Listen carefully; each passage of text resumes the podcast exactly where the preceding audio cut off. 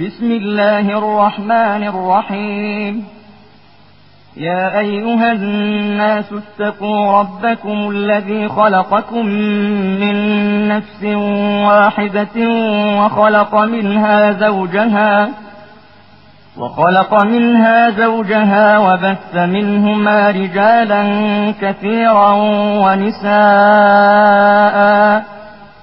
واتقوا الله الذي تساءلون به والأرحام إن الله كان عليكم رقيبا అనంత కరుణామయుడు అపార కృపాశీలుడు అయిన అల్లా పేరుతో ప్రారంభిస్తున్నాను మానవులారా మీ ప్రభువుకు భయపడండి ఆయన మిమ్మల్ని ఒకే ప్రాణి నుండి పుట్టించాడు అదే ప్రాణి నుండి దాని జతను సృష్టించాడు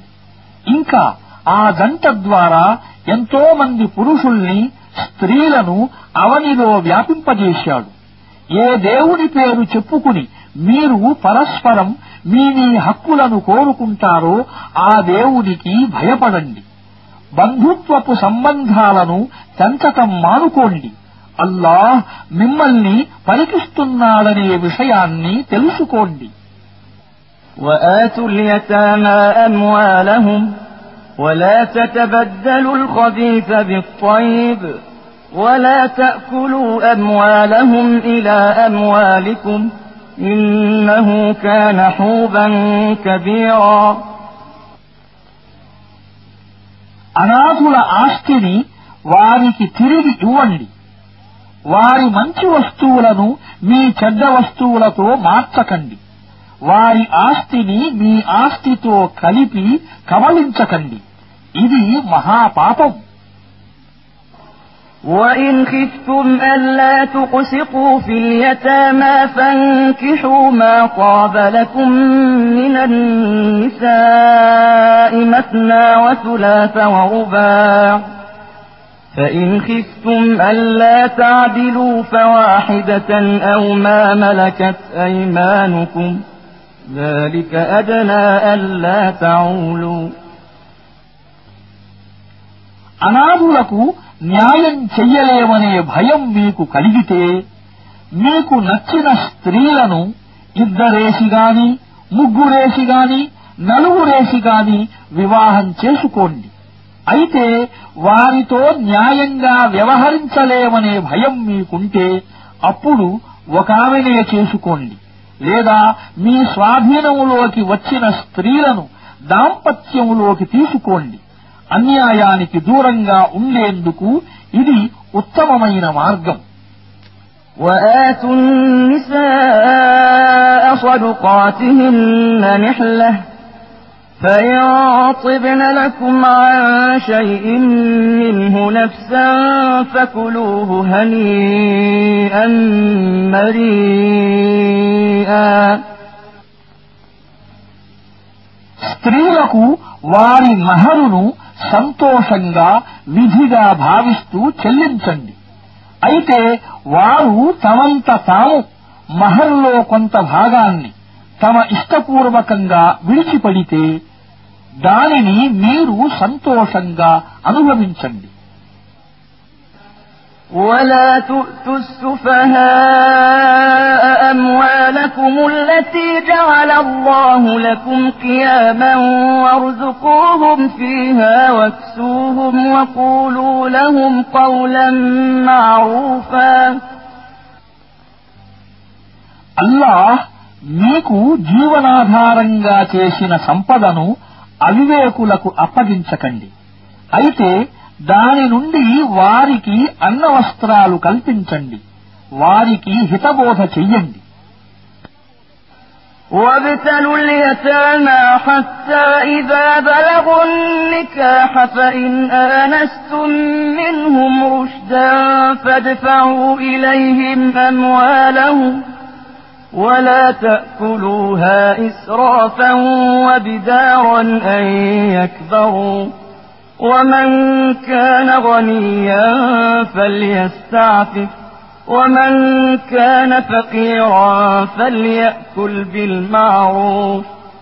فإذا دفعتم إليهم أموالهم فأشهدوا عليهم وكفى بالله حسيباً అనాథులకు పెళ్లి ఇల్లు వచ్చే వరకు వారిని అజమాయిషీ చేస్తూ ఉండండి వారిలో మీకు యోగ్యత కనిపించినప్పుడు వారి ఆస్తిని వారికి అప్పగించండి వారు పెద్దవారై తమ హక్కును కోరుతారేమో అని భయపడి వారి ఆస్తిని న్యాయసీమలను అతిక్రమించి తొందర తొందరగా ఎన్నడూ తినకండి అనాథుల సంరక్షకుడు సంపన్నుడైతే అతడు వారి సొమ్ముకు దూరంగా ఉండాలి ఒకవేళ అతడు పేదవాడైతే దానిని ధర్మసమ్మతంగా అనుభవించాలి తరువాత వారి ఆస్తిని వారికి అప్పగించేటప్పుడు దానికి ఇతరులను సాక్షులుగా పెట్టండి లెక్క తీసుకోవడానికి అల్లా చాలు للرجال نصيب مما ترك الوالدان والأقربون وللنساء نصيب مما ترك الوالدان والأقربون مما قل منه أو كثر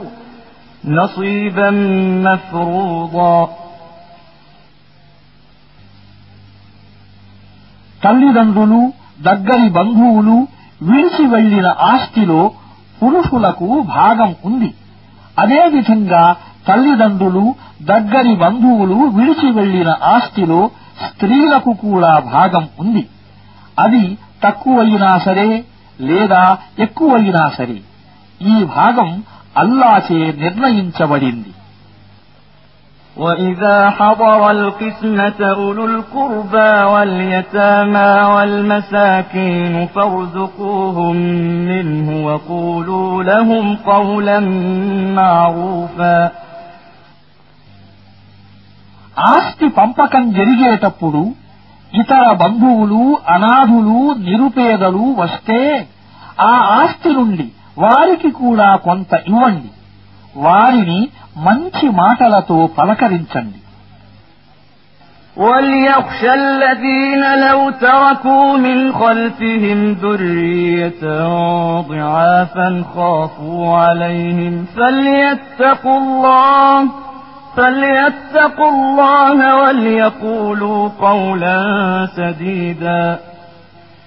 إن الذين يأكلون أموال اليتامى ظلما إنما يأكلون في بطونهم نارا وسيصلون سعيرا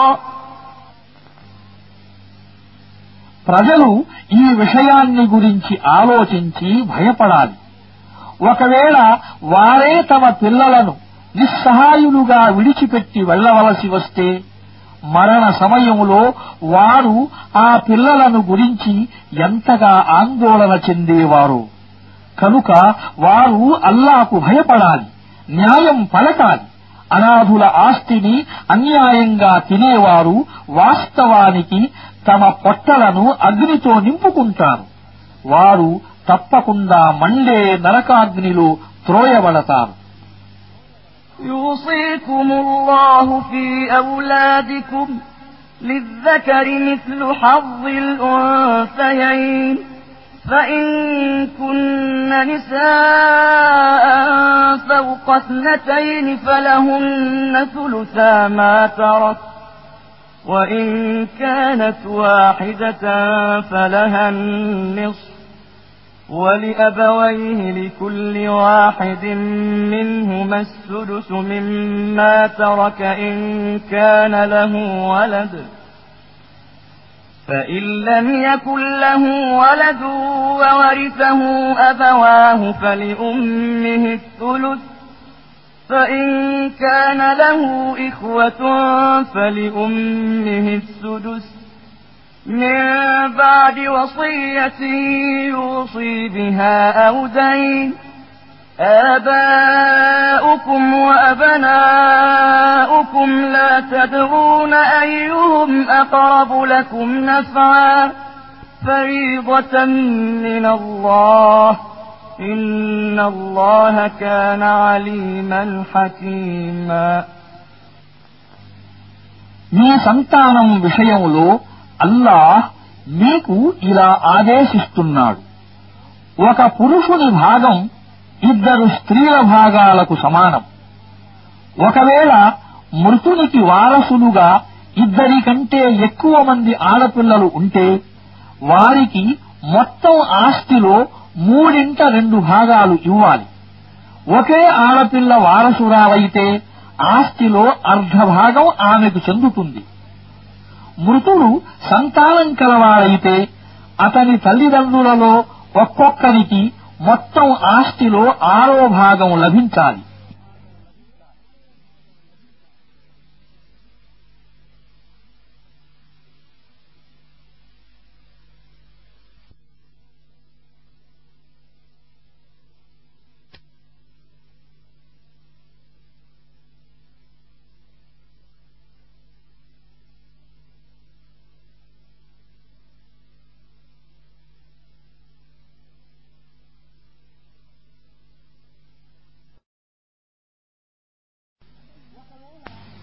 ఒకవేళ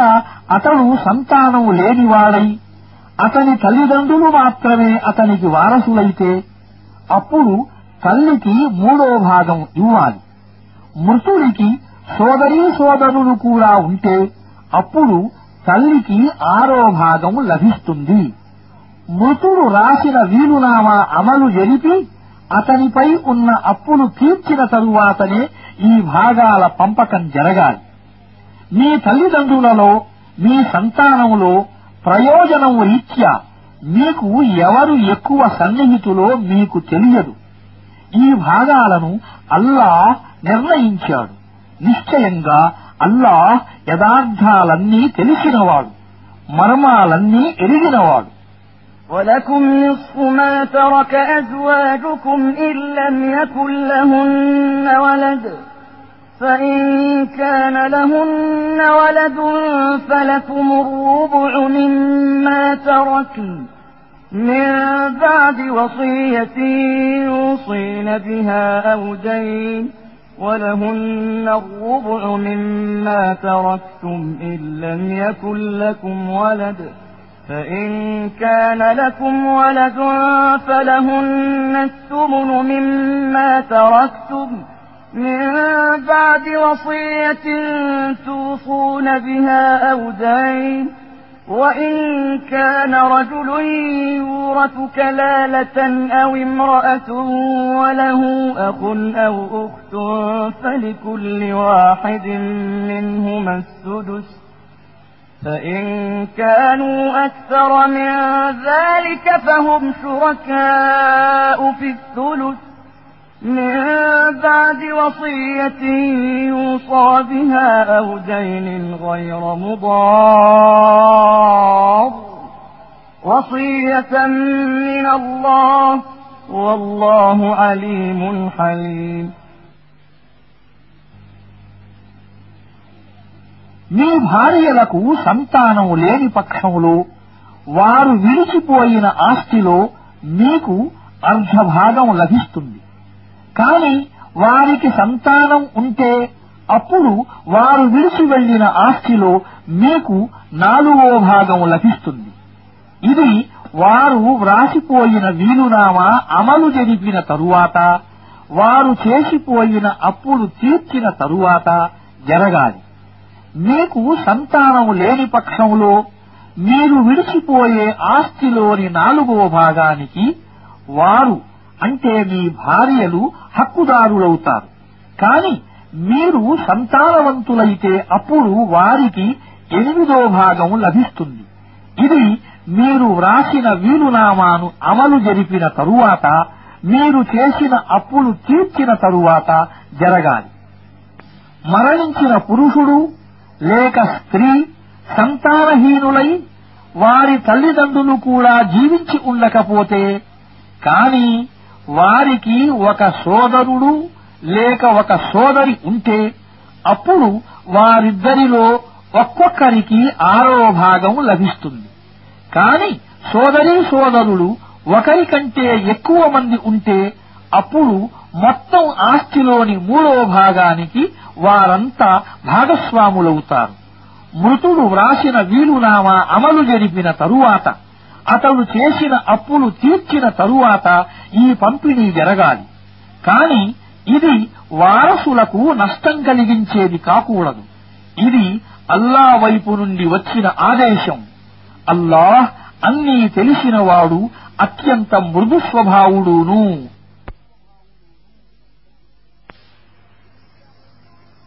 تلك حدود الله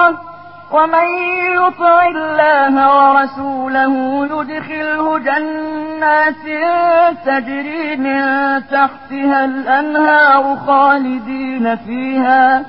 وذلك الفوز العظيم ومن يعص الله ورسوله ويتعد حدوده يدخله نارا خالدا فيها وله عذاب مهين ఇవి అల్లా విధించిన హద్దులు అల్లాకు ఆయన ప్రవక్తకు విధేయత చూపేవాణ్ణి అల్లాహ్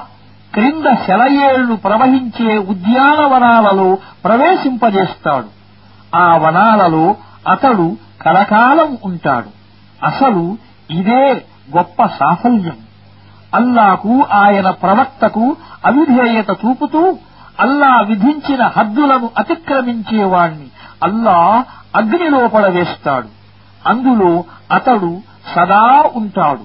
అతనికి మిక్కిలి అవమానకరమైన శిక్ష పడుతుంది واللاتي يأتين الفاحشة من نسائكم فاستشهدوا عليهن أربعة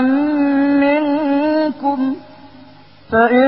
شهدوا فأمسكوهن في البيوت حتى يتوفاهن الموت أو يجعل الله لهن سبيلاً واللذان يأتيانها منكم فآذوهما فإن تابا وأصلحا فأعرضوا عنهما إن الله كان توابا رحيما మీ స్త్రీలలో ఎవరైనా సిగ్గుమాలిన పనికి ఒడిగట్టితే వారికి వ్యతిరేకంగా మీరు నలుగురు మనుషుల సాక్ష్యం తీసుకోండి నలుగురు మనుషులు గనక సాక్ష్యం ఇస్తే వారు మరణించే వరకైనా లేదా వారి కొరకు అల్లా ఏదైనా మార్గం చూపించే వరకైనా వారిని ఇళ్లల్లో నిర్బంధించి ఉంచండి మీలో ఈ అకృత్యానికి పాల్పడిన వారిద్దరినీ బాధించండి తరువాత వారు పశ్చాత్తాపడి తమ నడతను సరిదిద్దుకుంటే వారిని విడిచిపెట్టండి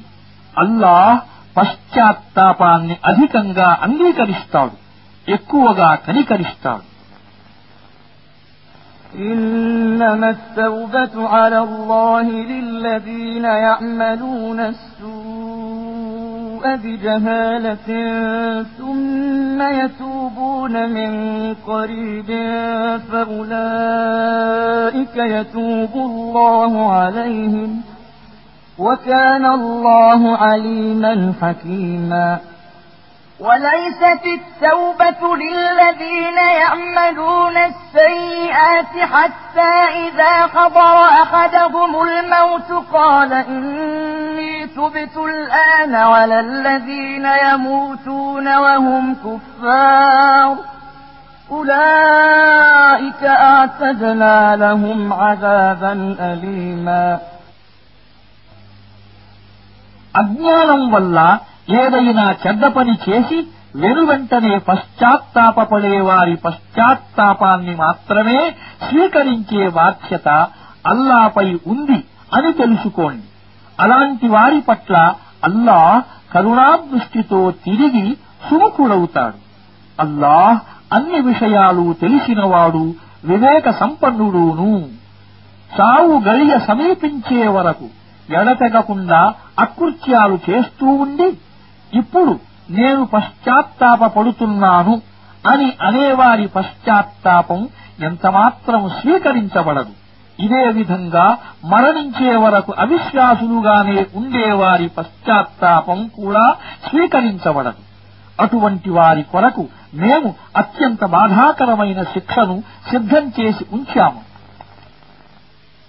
يا أيها الذين آمنوا لا يحل لكم أن ترثوا النساء كرها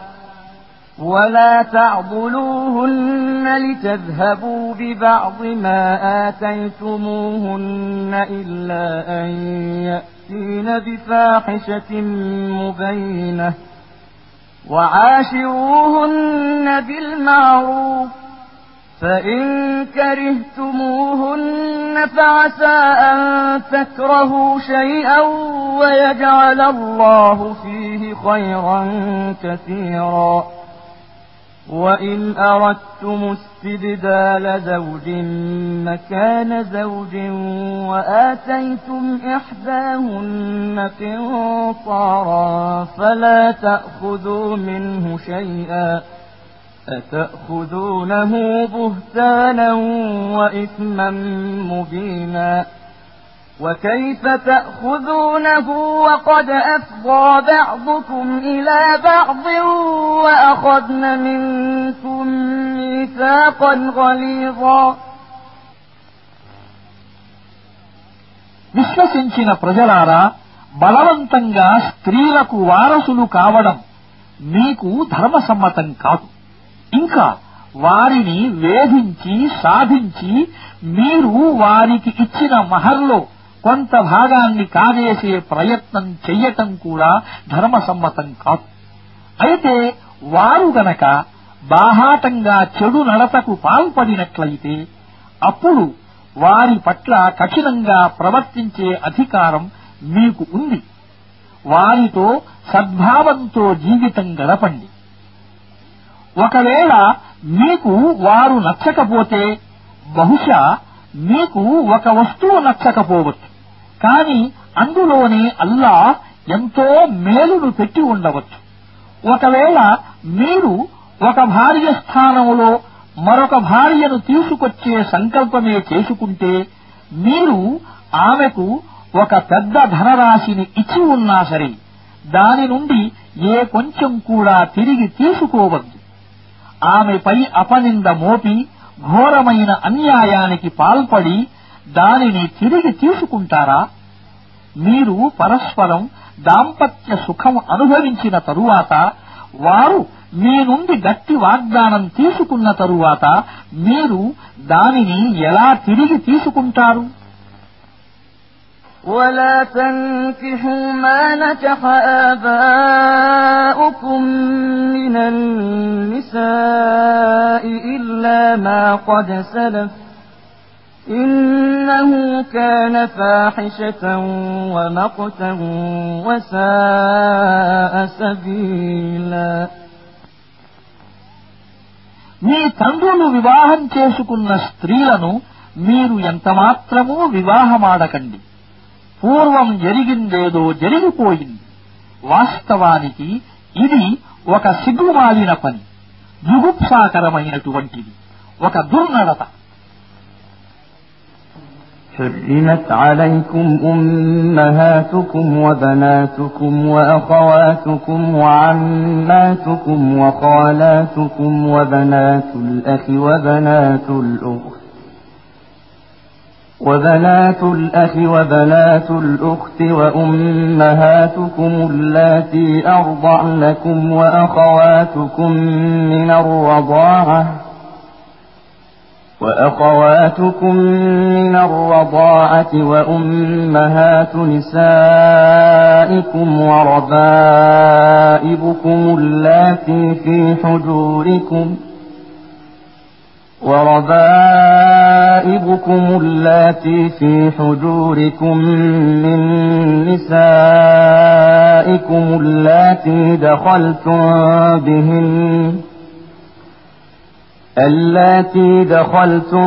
بهن فإن لم تكونوا دخلتم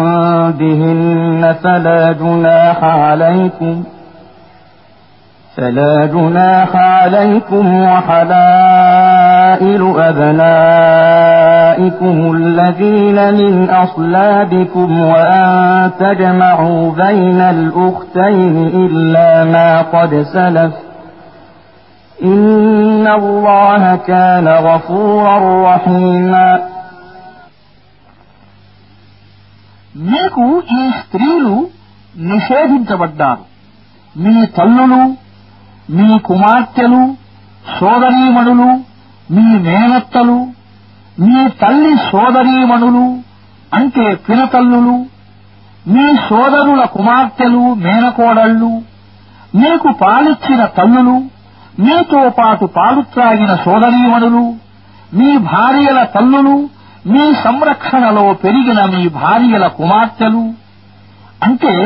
మీరు రమించిన భార్యల కుమార్తెలు అయితే ఒకవేళ వివాహం మాత్రమే అయి రమించటం జరిగి ఉండకపోతే వారికి విడాకులిచ్చి వారి కుమార్తెలను వివాహమాడటం మీకు దోషం కాదు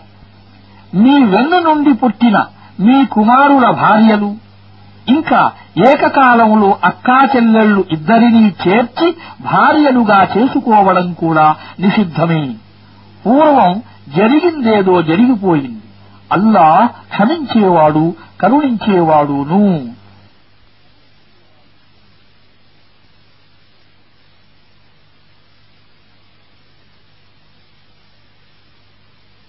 بسم الله الرحمن الرحيم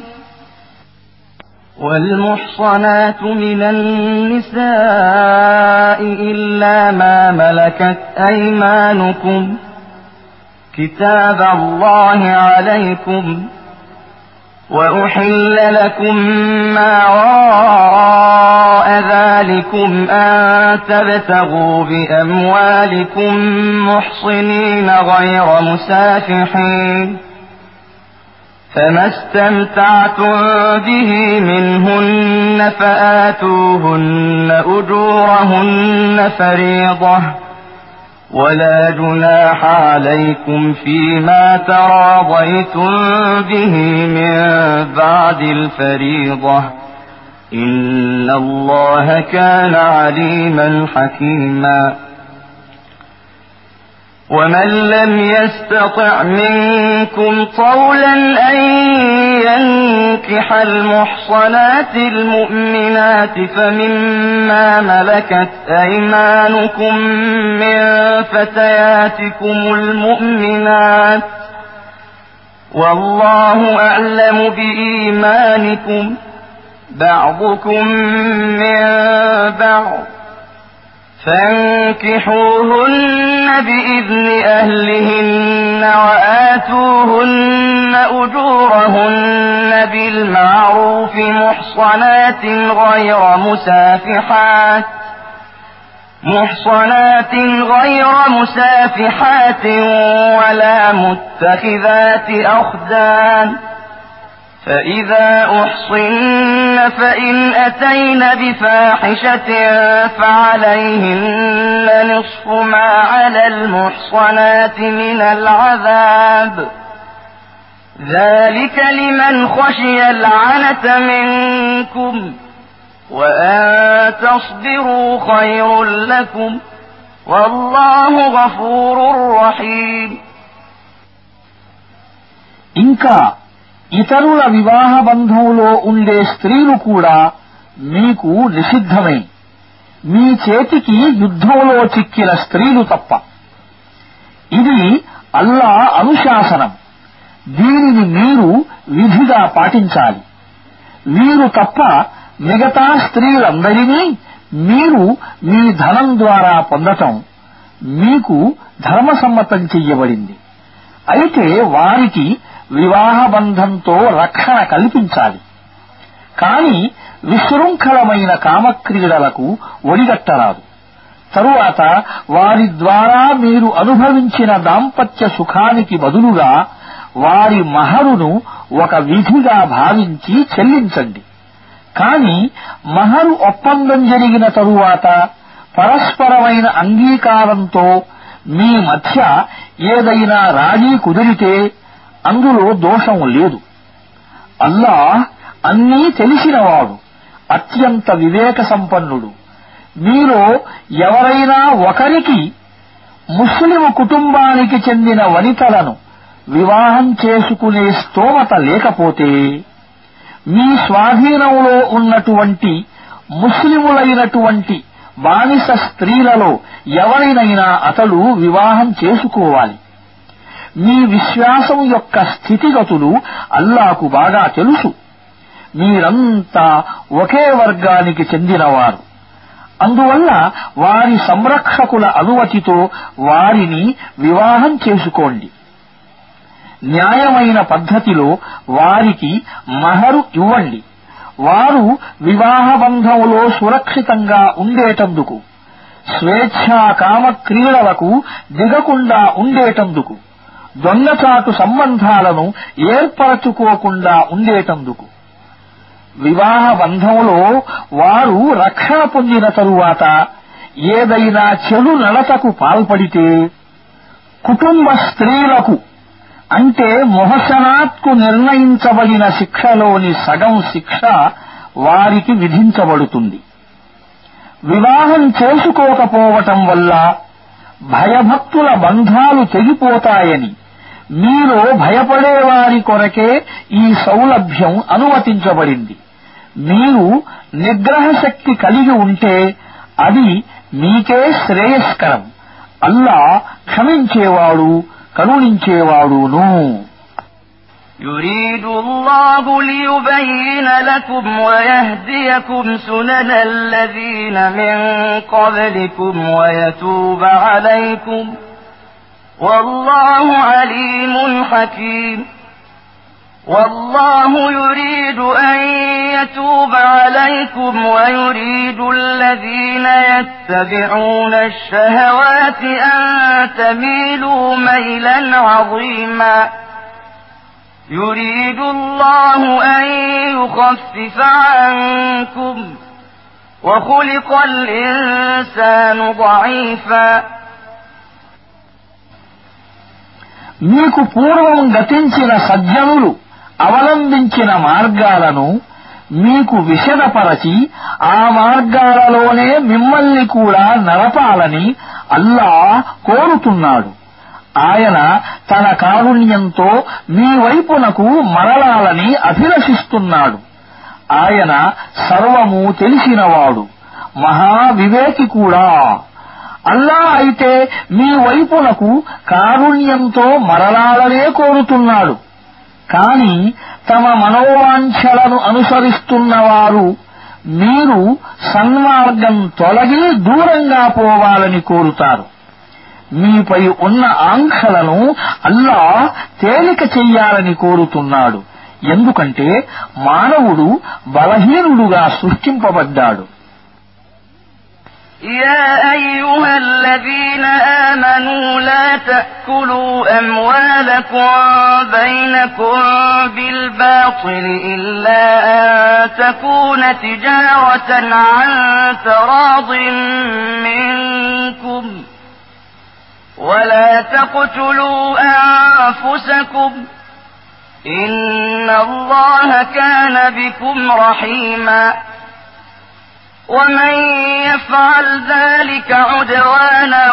وظلما فسوف نصليه نارا وكان ذلك على الله يسيرا إن تجتنبوا كبائر ما تنهون عنه نكفر عنكم سيئاتكم وندخلكم مدخلا كريما విశ్వసించిన ప్రజలారా ఒకరి సొమ్ములు మరొకరు అధర్మంగా తినకండి ఇచ్చి పుచ్చుకోవటం జరగవలసిందే అయితే పరస్పర అంగీకారంతో మిమ్మల్ని మీరు చంపుకోకండి అల్లాకు మీరంటే ఎంతో దయ అని నమ్మండి హింసా దౌర్జన్యాల ద్వారా అలా చేసేవాణ్ణి మేము తప్పకుండా అగ్నిలో పడవేస్తాము ఇది అల్లాకు అంత కష్టమైన పని కాదు మీకు నిషేధించబడినటువంటి మహాపాపాలకు గనక మీరు దూరంగా ఉంటే మీ చిన్న చిన్న దోషాలను మేము మీ లెక్క నుండి తీసివేస్తాము మిమ్మల్ని గౌరవ స్థానాలలో ప్రవేశింపజేస్తాము ولا تتمنوا ما فضل الله به بعضكم على بعض للرجال نصيب مما اكتسبوا وللنساء نصيب مما اكتسبن واسألوا الله من فضله అల్లా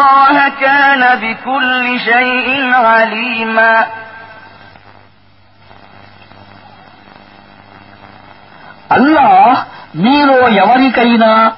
ఇతరులకు ఇచ్చిన దానికంటే ఎక్కువగా ప్రసాదించి ఉంటే మీరు దానికి ఆశపడకండి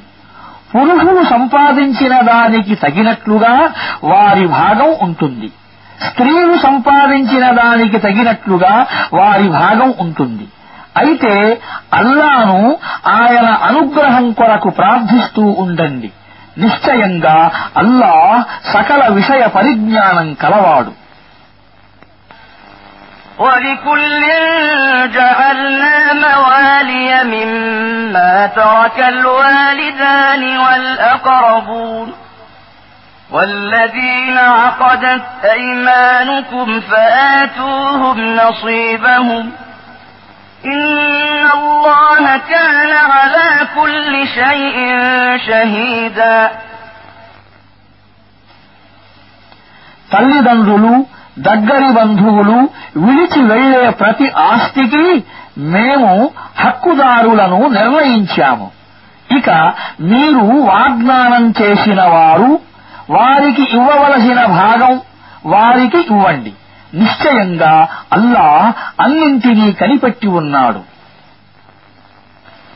الرجال قوامون على النساء بما فضل الله بعضهم على بعض وبما أنفقوا من أموالهم فالصالحات قانتات حافظات للغيب بما حفظ الله واللاتي تخافون نشوزهن فعظوهن واهجروهن في المضاجع واضربوهن فإن أطعنكم فلا تبغوا عليهن سبيلاً إن الله كان عليا كبيرا وإن خفتم شقاق بينهما فبعثوا حكما من أهله فبعثوا حكما من أهله وحكما من أهلها إن يريدا إصلاحا يوفق الله بينهما ۖ إن الله كان عليما خبيرا పురుషులు స్త్రీలకు అధికారులు ఎందుకంటే అల్లా వారిలో ఒకరికి మరొకరిపై ఆధిక్యతలను ప్రసాదించటం వల్ల ఇంకా పురుషులు తమ సంపదను వారి కొరకు ఖర్చు చేస్తున్నందువల్ల కనుక సుగుణవతులైన స్త్రీలు విధేయత కలిగి ఉంటారు పురుషులు లేనప్పుడు అల్లా రక్షణలో ఉంటూ వారి హక్కులను కాపాడుతారు ధిక్కరిస్తారనే భయం మీకు ఏ స్త్రీల విషయంలో కలుగుతుందో వారికి నచ్చజెప్పండి పడక గదులలో వారికి దూరంగా ఉండండి మరియు కొట్టండి తరువాత వారు మీకు విధేయులైతే అకారణంగా వారిని వేధించటానికి సాకులు వెతక్కండి గొప్పవాడు అధికుడు అయిన అల్లా పైన ఉన్నాడనే విషయాన్ని తెలుసుకోండి భార్యాభర్తల మధ్య సంబంధాలు చెడిపోతాయనే భయం మీకు కలిగితే భర్త బంధువుల నుండి ఒక మధ్యవర్తిని భార్య బంధువుల నుండి ఒక మధ్యవర్తిని నియమించండి వారిద్దరూ సంస్కరణను కోరితే అల్లా వారి మధ్య సమాధానం కుదరటానికి మార్గం చూపుతాడు అల్లా సర్వజ్ఞాని సకలము ఎరిగినవాడు واعبدوا الله ولا تشركوا به شيئا وبالوالدين إحسانا وبذي القربى واليتامى والمساكين والجار ذي القربى والجار الجنب والجار ذي القربى والجار الجنب والصاحب بالجنب وابن السبيل وما ملكت أيمانكم إن الله لا يحب من كان مختالا فخورا الذين يبخلون ويأمرون الناس بالبخل ويكتمون ما آتاهم الله من فضله وأعتدنا للكافرين عذابا مهينا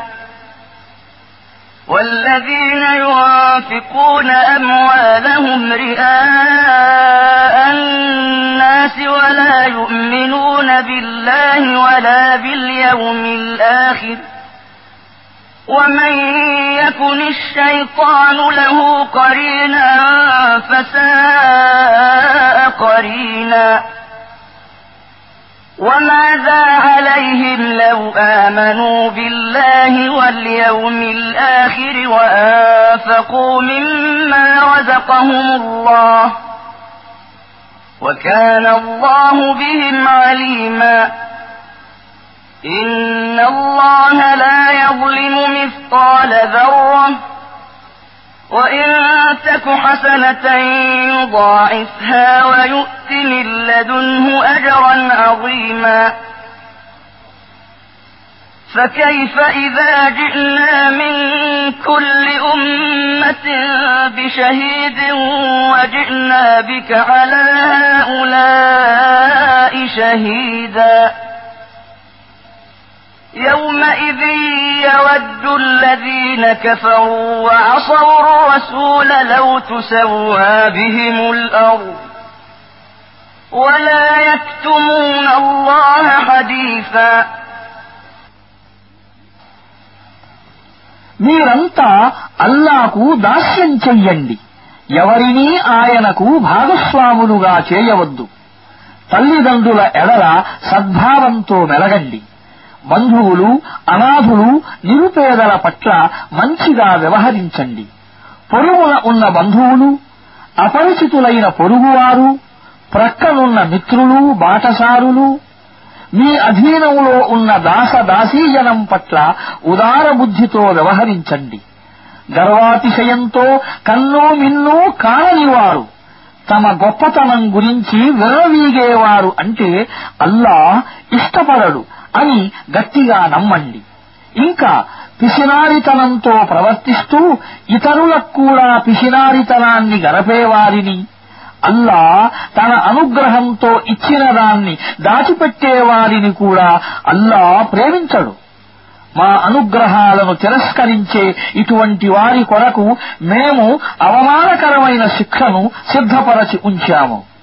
కేవలం ప్రజలకు చూపటానికి తమ సంపదను ఖర్చు పెట్టేవారు అల్లాను అంతిమ దినాన్ని హృదయపూర్వకంగా విశ్వసించని వారు అంటే కూడా అల్లాకు అనిష్టమే యథార్థమేమిటంటే సైతాను ఎవడి స్నేహితుడయ్యాడో వాడికి దుస్సాంగత్యం లభించినట్లే వారు గనక అల్లాను అంతిమ దినాన్ని విశ్వసిస్తే అల్లా ఇచ్చిన దాని నుండి ఖర్చు పెడితే వారిపైకి ఏ విపత్తు వచ్చి పడుతుంది వారు ఆ విధంగా చేసి ఉన్నట్లయితే వారి సత్కార్యాలు అల్లాకు తెలియకుండా ఉండేవి కాదు కదా అల్లా ఎవరికి రవ్వంత అన్యాయం కూడా చెయ్యడు ఎవరైనా ఒక మంచి పని చేస్తే దానిని అల్లా రెండింతలు చేస్తాడు ఇంకా తన తరఫు నుండి పెద్ద ప్రతిఫలం కూడా ప్రసాదిస్తాడు మేము ప్రతి సమాజం నుండి ఒక సాక్షిని తెచ్చి నిన్ను వారికి సాక్షిగా నిలబెట్టినప్పుడు వారు ఏం చేస్తారో ఆలోచించు ప్రవక్త మాటను తిరస్కరించి ఆయనకు అవిధేయత చూపిన ప్రజలంతా అప్పుడు భూమి బ్రద్దలై తాము భూమిలో స్థాపితమైపోతే ఎంత బాగుండును అని తలపోస్తారు అక్కడ వారు అల్లా ముందు ఏ విషయాన్ని దాచలేరు يا أيها الذين آمنوا لا تقربوا الصلاة وأنتم سكارى حتى تعلموا ما تقولون حتى تعلموا ما تقولون ولا جنبا إلا عابري سبيل حتى تغتسلوا وإن كنتم مرضى أو على سفر أو جاء أحد منكم من الغائط أو لامستم أَوْ لَامَسْتُمُ النِّسَاءَ فَلَمْ تَجِدُوا مَاءً فتيمموا صعيدا طيبا فامسحوا بوجوهكم وأيديكم إن الله كان عفوا غفورا విశ్వాసులారా మీరు నిశాస్థితిలో ఉన్నప్పుడు నమాజు దరిదాపులకు వెళ్ళకండి మీరు పలికేదేమిటో మీకు తెలిసినప్పుడే నమాజు చెయ్యాలి ఇదే విధంగా అపరిశుద్ధ స్థితిలో కూడా స్నానం చెయ్యనంత వరకు నమాజు దగ్గరకు వెళ్ళకండి దారిన పోతూ ఉన్నప్పుడు తప్ప మీరు ఎప్పుడైనా అస్వస్థులైతే లేక ప్రయాణంలో ఉంటే లేక మీలో ఎవరైనా మలమూత్ర విసర్జనం చేసి ఉంటే లేక మీరు మీ స్త్రీలను తాకి ఉంటే మీకు నీరు లభ్యం కాని పక్షంలో పరిశుభ్రమైన మట్టిని ఉపయోగించండి దానితో మీ ముఖాలను చేతులను రుద్దుకోండి నిస్సందేహంగా అల్లా ఉదార స్వభావుడు క్షమాగుణం కలవాడు ألم تر إلى الذين أوتوا نصيبا من الكتاب يشترون الضلالة ويريدون أن تضلوا السبيل والله أعلم بأعدائكم وكفى بالله وليا وكفى بالله نصيرا من الذين هادوا يحرفون الكلم عن مواضعه ويقولون سمعنا وعصينا ويقولون سمعنا وعصينا واسمع غير مسمع وراعنا ليا بألسنتهم وطعنا في الدين ۖ ولو أنهم قالوا سمعنا وأطعنا واسمع وانظرنا لكان خيرا لهم وأقوم ولكن لعنهم الله بكفرهم ولكن لعنهم الله بكفرهم فلا يؤمنون إلا قليلا గ్రంథ జ్ఞానంలో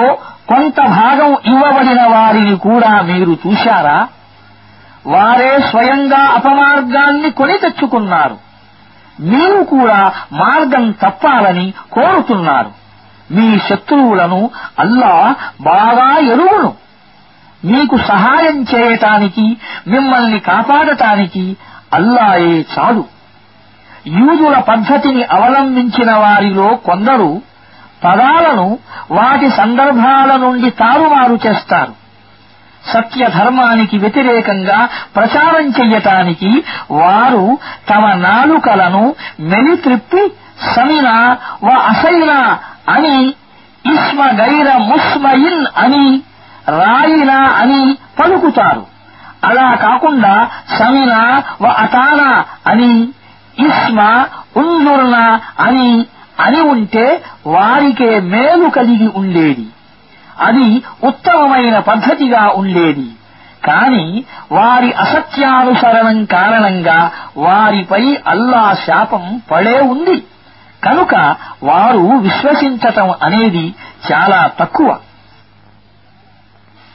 يا أيها الذين أوتوا الكتاب آمنوا بما نزلنا مصدقا لما معكم من قبل أن نطمس وجوها فنردها فنردها على أدبارها أو نلعنهم كما لعنا أصحاب السبت وكان أمر الله مفعولا إن الله لا يغفر أن يشرك به ويغفر ما دون ذلك لمن يشاء ومن يشرك بالله فقد افترى إثما عظيما గ్రంథ ప్రజలారా మేము ఇప్పుడు అవతరింపజేసిన గ్రంథాన్ని విశ్వసించండి అది మీ వద్ద పూర్వం నుండే ఉన్న గ్రంథాన్ని ధృవపరుస్తుంది సమర్థిస్తుంది మేము ముఖాలను వికృతం చేసి వెనక్కి తిప్పకముందే లేక మేము సబ్బత్వారిని శపించినట్లుగా వారిని శపించకముందే దీనిని విశ్వసించండి అల్లా ఆజ్ఞ తప్పకుండా అమలుపరచబడుతుందని గుర్తుపెట్టుకోండి అల్లా క్షమించనిది కేవలం షిర్కును మాత్రమే అది తప్ప ఏ పాపాన్ని అయినా ఆయన తాను ఇష్టపడిన వారి కొరకు క్షమిస్తాడు ఇతరులను అల్లాకు భాగస్వాములుగా చేసేవాడు ఎంతో ఘోరమైన అబద్ధాన్ని కల్పించాడు అన్నమాట ఎంతో తీవ్రమైన పాపపు మాటను అన్నాడు అన్నమాట ألم تر إلى الذين يزكون أنفسهم بل الله يزكي من يشاء ولا يظلمون فتيلا انظر كيف يفترون على الله الكذب وكفى به إثما مبينا తమ ఆత్మ పరిశుద్ధతను గురించి గొప్పలు చెప్పుకునేవారిని కూడా మీరు గమనించారా నిజానికి పరిశుద్ధతను అల్లాయే తాను కోరిన వారికి ప్రసాదిస్తాడు వారికి పరిశుద్ధత లభించకపోతే వారికి రవ్వంత అన్యాయం కూడా జరిగినట్లు కాదు చూశారా వారు అల్లాపై లేనిపోని అభాండాలు వెయ్యటానికి కూడా జంకటం లేదు వారు స్పష్టంగా పాపాత్ములని చెప్పటానికి ఈ ఒక్క పాపం చాలు ألم تر إلى الذين أوتوا نصيبا من الكتاب يؤمنون بالجبت والطاغوت ويقولون ويقولون للذين كفروا هؤلاء أهدى من الذين آمنوا سبيلاً أولئك الذين لعنهم الله ومن يلعن الله فلن تجد له نصيرا أم لهم نصيب من الملك فإذا لا يؤتون الناس نقيرا أم يحسدون الناس على ما آتاهم الله من فضله فقد آتينا آل إبراهيم الكتاب والحكمة وآتيناهم ملكا عظيما فمنهم من آمن به ومنهم من صد عنه وكفى بجهنم سعيرا إن الذين كفروا بآل بآياتنا سوف نصليهم نارا كلما نضجت جلودهم بدلناهم جلودا غيرها ليذوقوا العذاب إن الله كان عزيزا حكيما والذين آمنوا وعملوا الصالحات سندخلهم جنات تجري من تحتها الأنهار خالدين فيها أبدا لهم فيها أزواج مطهرة وندخلهم ظلا ظليلا కొంత భాగం ఇవ్వబడిన వారిని నీవు చూడలేదా వారి పరిస్థితి ఎలా ఉందంటే వారు జిప్తును తాగూతును నమ్ముతారు ఇంకా వారు అవిశ్వాసులను గురించి విశ్వాసుల కంటే వీరే చాలా వరకు సరైన మార్గంలో ఉన్నారు అని అంటారు ఇటువంటి వారినే అల్లా శపించింది అల్లా శపించిన వాడికి సహాయం చేసేవాడెవ్వడూ నీకు దొరకడు పరిపాలనలో వారికేమైనా భాగం ఉందా ఉంటే వారు ఇతరులకు చిల్లిరొమ్మ కూడా ఇవ్వరు లేక ఇతరులను చూచి వారు అసూయపడటానికి కారణం అల్లా వారికి తన అనుగ్రహాన్ని ప్రసాదించాడనా ఇదే నిజమైతే వారు ఈ విషయాన్ని తెలుసుకోవాలి మేము ఇబ్రాహీము సంతతికి గ్రంథాన్ని వివేకాన్ని ప్రసాదించాము వారికి మహత్తరమైన సామ్రాజ్యాన్ని ప్రదానం చేశాము కాని వారిలో కొంతమంది ఆ గ్రంథాన్ని విశ్వసించారు మరికొంతమంది దానికి విముఖులయ్యారు వైముఖ్యం చూపేవారికి మండే నరకాగ్నియే చాలు మా వాక్యాలను నిరాకరించిన వారిని మేము నిశ్చయముగా అగ్నిలో పడవేస్తాము ఇంకా వారి శరీర చర్మం కాలి కరిగిపోయినప్పుడల్లా దాని స్థానంలో మేము మరొక చర్మాన్ని సృష్టిస్తాము వారు శిక్షను బాగా రుచి చూడాలని అల్లా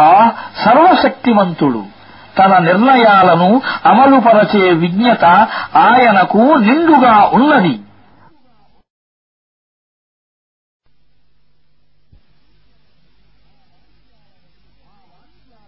మా వాక్యాలను విశ్వసించి మంచి పనులు చేసేవారిని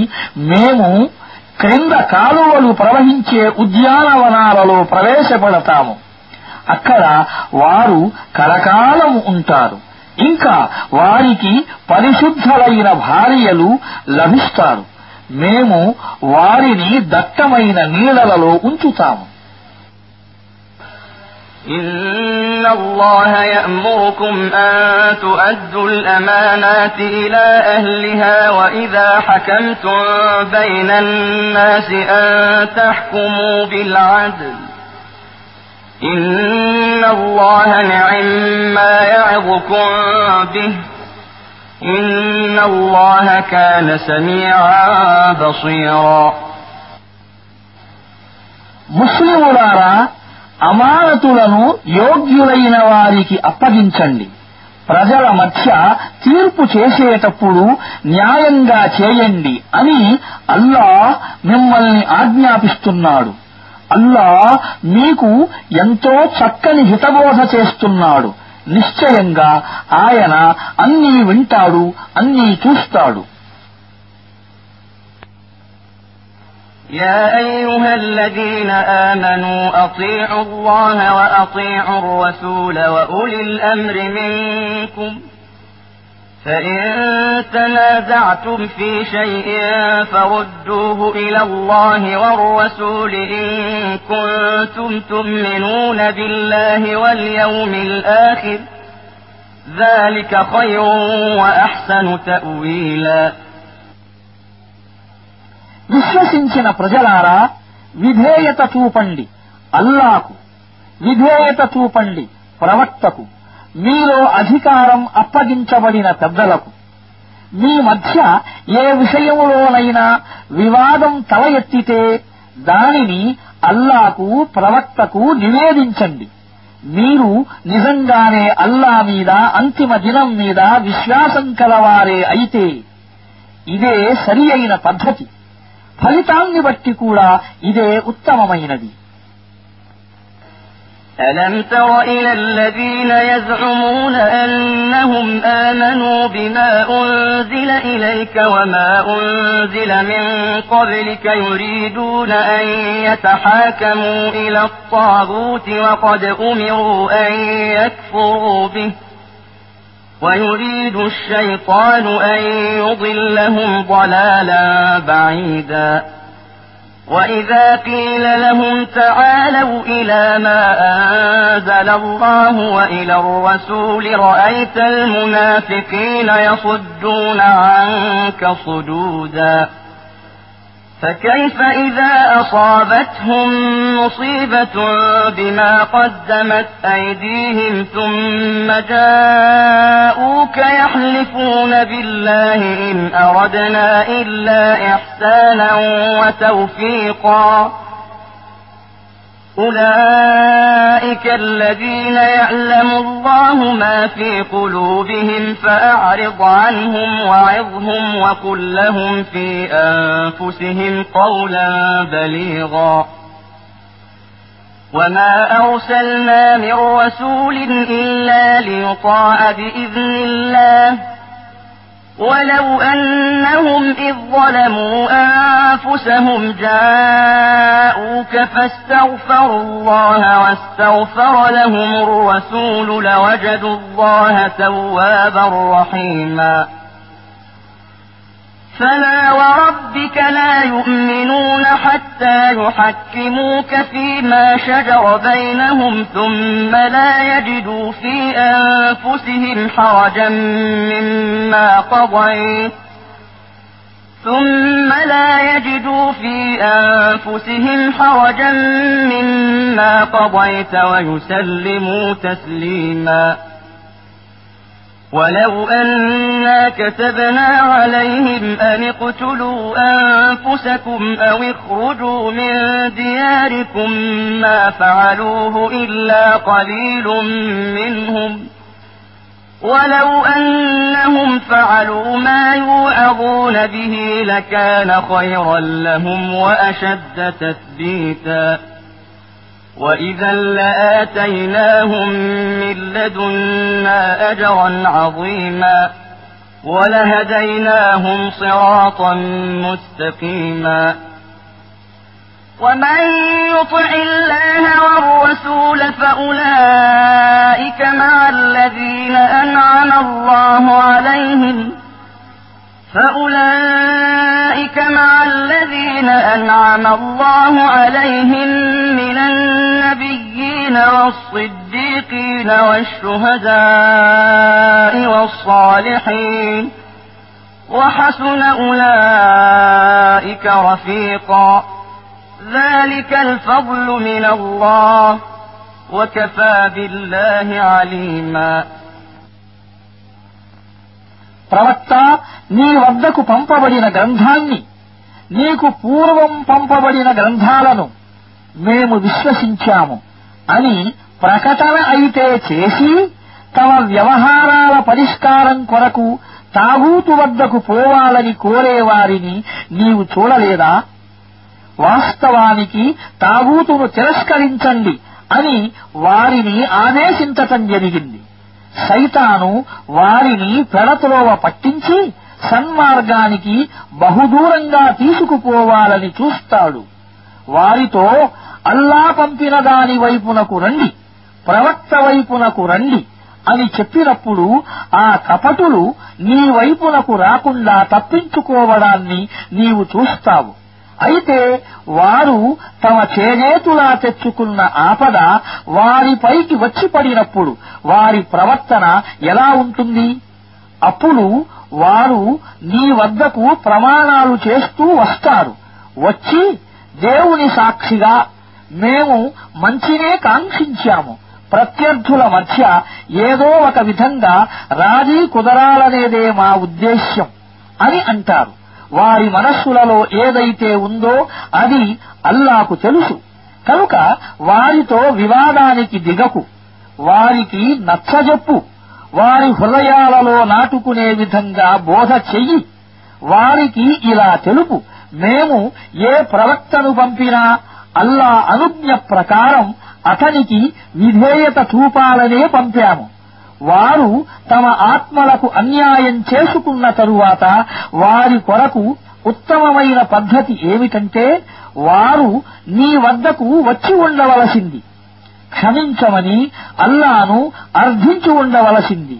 ఇంకా ప్రవక్త కూడా వారి కొరకు మన్నింపులకై విజ్ఞాపన చేసి ఉండేవాడు అప్పుడు వారు నిశ్చయంగా అల్లాను క్షమించేవాడుగా కరుణించేవాడుగా కనుగని ఉండేవారు కాదు ముహమ్మద్ నీ ప్రభు సాక్షిగా వారు తమ పరస్పర విభేదాల విషయములో నిన్ను న్యాయ నిర్ణేతగా స్వీకరించనంత వరకు ఇంకా నీవు ఏ నిర్ణయం చేసినా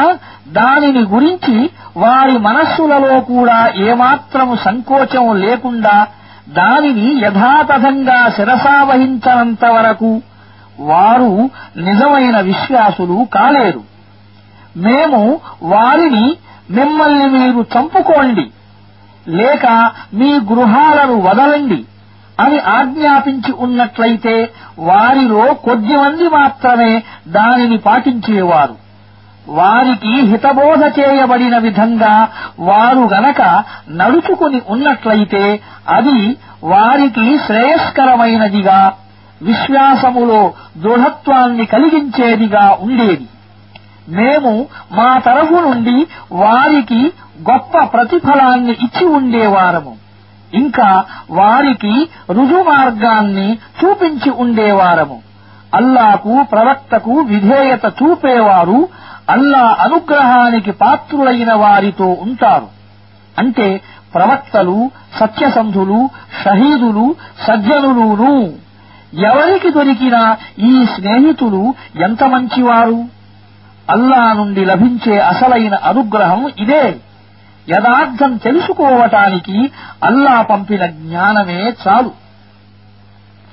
يا أيها الذين آمنوا خذوا حذركم فانفروا ثبات أو انفروا جميعا وإن منكم لمن ليبطئن فإن أصابتكم مصيبة قال قد أنعم الله علي إذ لم أكن معهم شهيداً وَلَئِنْ أَصَابَكُمْ فَضْلٌ مِّنَ اللَّهِ لَيَقُولَنَّ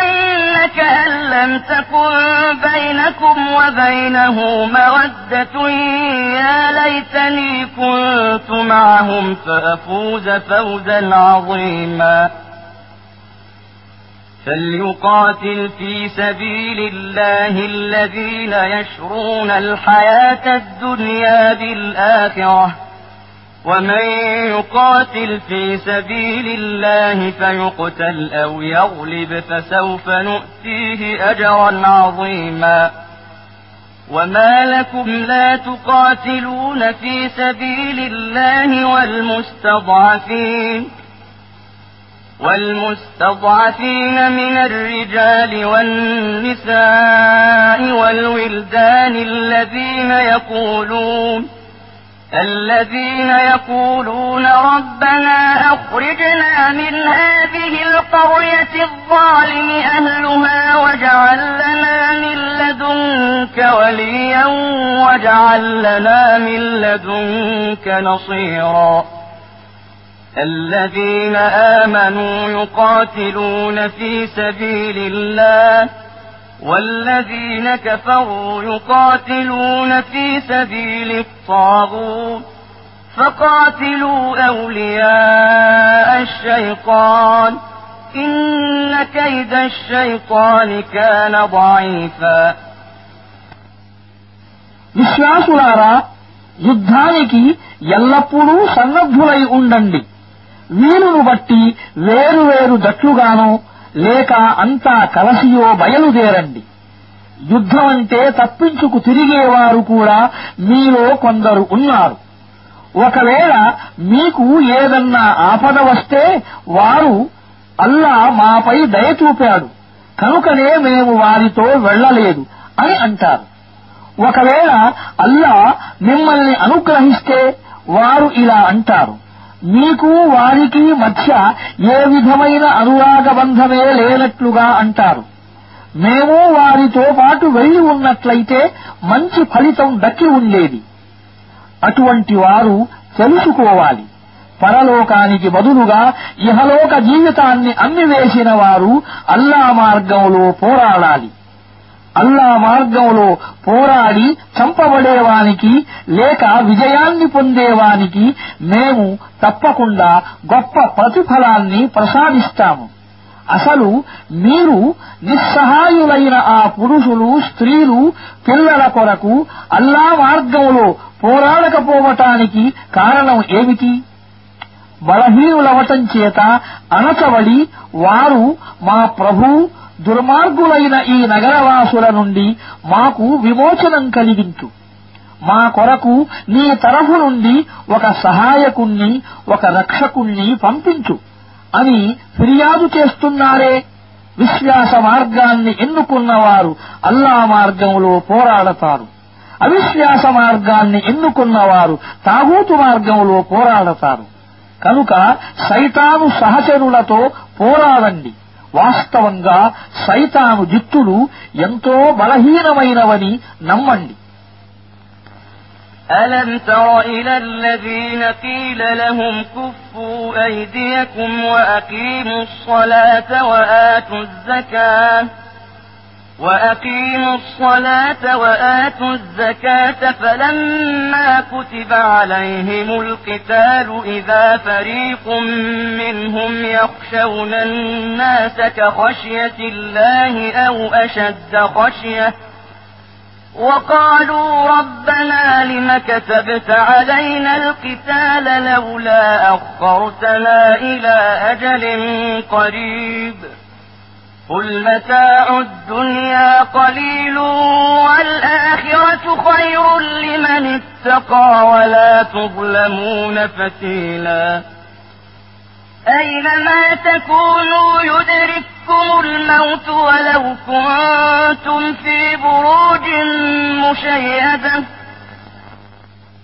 మీ చేతులను యుద్ధం చెయ్యకుండా నిలిపి ఉంచండి నమాజును స్థాపించండి జకాతు ఇవ్వండి అని చెప్పబడిన వారిని కూడా నీవు చూశావా తీరా ఇప్పుడు యుద్ధం చెయ్యండి అని వారికి ఆజ్ఞ ఇస్తే వారిలో కొందరి స్థితి ఎలా ఉందంటే వారు దైవానికి భయపడినట్లుగా మనుషులకు భయపడుతున్నారు కాదు అంతకంటే అధికంగానే ప్రభు యుద్ధం చెయ్యండి అనే ఈ ఆజ్ఞను మా కొరకు ఎందుకు వ్రాసిపెట్టావు మాకు ఇంకా కొంత వ్యవధిని ఎందుకు ఇవ్వలేదు అని అంటారు వారితో ఇలా అను ఇహలోక జీవిత భోగాలు అల్పమైనవి దైవభక్తి పరాయణులైన మనిషికి పరలోకమే ఎక్కువ మేలైనది మీకు రవ్వంత అన్యాయం కూడా జరగదు ఇక మృత్యువు మీరు ఎక్కడున్నా సరే అది మీకు వచ్చి తీరుతుంది మీరు ఎంతటి దృఢమైన భవనాలలో ఉన్నా సరే وإن تصبهم حسنة يقولوا هذه من عند الله وإن تصبهم سيئة يقولوا هذه من عندك قل كل من عند الله فما لهؤلاء القوم لا يكادون يفقهون حديثا ما أصابك من حسنة فمن الله وما أصابك من سيئة فمن نفسك వారికి ఏదైనా లాభం కలిగితే ఇది అల్లా తరఫు నుండి వచ్చింది అని అంటారు ఒకవేళ ఏదైనా నష్టం కలిగితే ప్రవక్త ఇది నీ వల్ల జరిగింది అని అంటారు అంతా అల్లా తరఫు నుండే జరిగింది అని వారికి చెప్పు అసలు వారికి ఏమైంది వారు ఏ విషయాన్ని అర్థం చేసుకోరు మనిషి నీకు ఏ మేలు కలిగినా అల్లా కరుణ వల్లనే కలుగుతుంది నీకు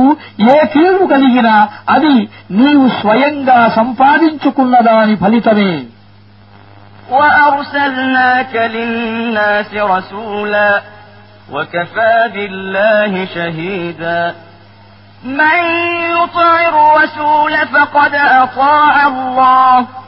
ومن تولى فما أرسلناك عليهم حفيظا ముహమ్మద్ మేము నిన్ను మానవ జాతికి సందేశహరుడుగా చేసి పంపాము దీనికి అల్లా సాక్ష్యం చాలు ప్రవక్తకు విధేయత చూపినవాడు వాస్తవంగా అల్లాకు విధేయత చూపినట్లే కాని ఎవరైతే విముఖులయ్యాడో అటువంటి వారిపై మేము నిన్ను కావలివానిగా చేసి పంపలేదు ويقولون طاعة فإذا برزوا من عندك بيت طائفة منهم غير الذي تقول والله يكتب ما يبيتون فأعرض عنهم وتوكل على الله وكفى بالله وكيلاً أفلا يتدبرون القرآن ولو كان من عند غير الله لوجدوا فيه اختلافا كثيرا వారు నీ సమక్షంలోనైతే మేము విధేయులము అని అంటారు కాని నీ వద్ద నుండి వెళ్లిన తరువాత వారిలోని ఒక వర్గం వారు రాత్రివేళ సమావేశమై మీ మాటలకు వ్యతిరేకంగా సంప్రదింపులు జరుపుతారు వారి ఈ రహస్యాలోచనలనన్నింటినీ అల్లా వ్రాస్తున్నాడు నీవు వారిని లెక్క చెయ్యకు అల్లాపై భారం మోపు భారం మోపటానికి ఆయనే చాలు ఈ ప్రజలు హురాను గురించి ఆలోచన చెయ్యరా ఇది అల్లా తరఫు నుండి కాక వేరొకరి తరఫు నుండి వచ్చి ఉన్నట్లయితే ఇందులో ఎన్నో పరస్పర విరుద్ధాలైన విషయాలు ఉండేవి وإذا جاءهم أمر من الأمن أو الخوف أذاعوا به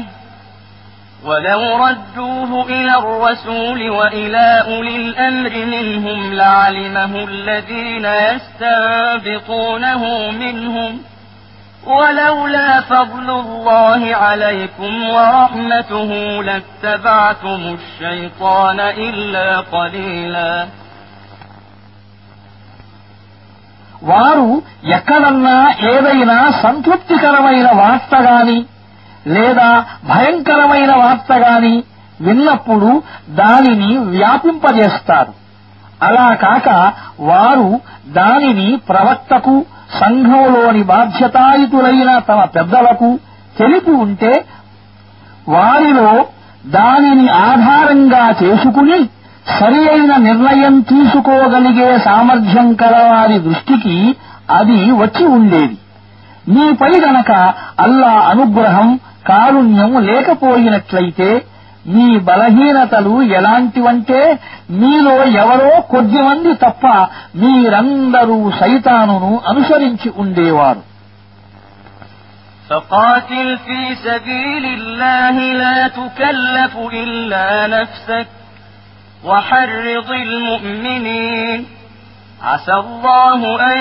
يكف باس الذين كفروا والله أشد بأسا وأشد تنكيلا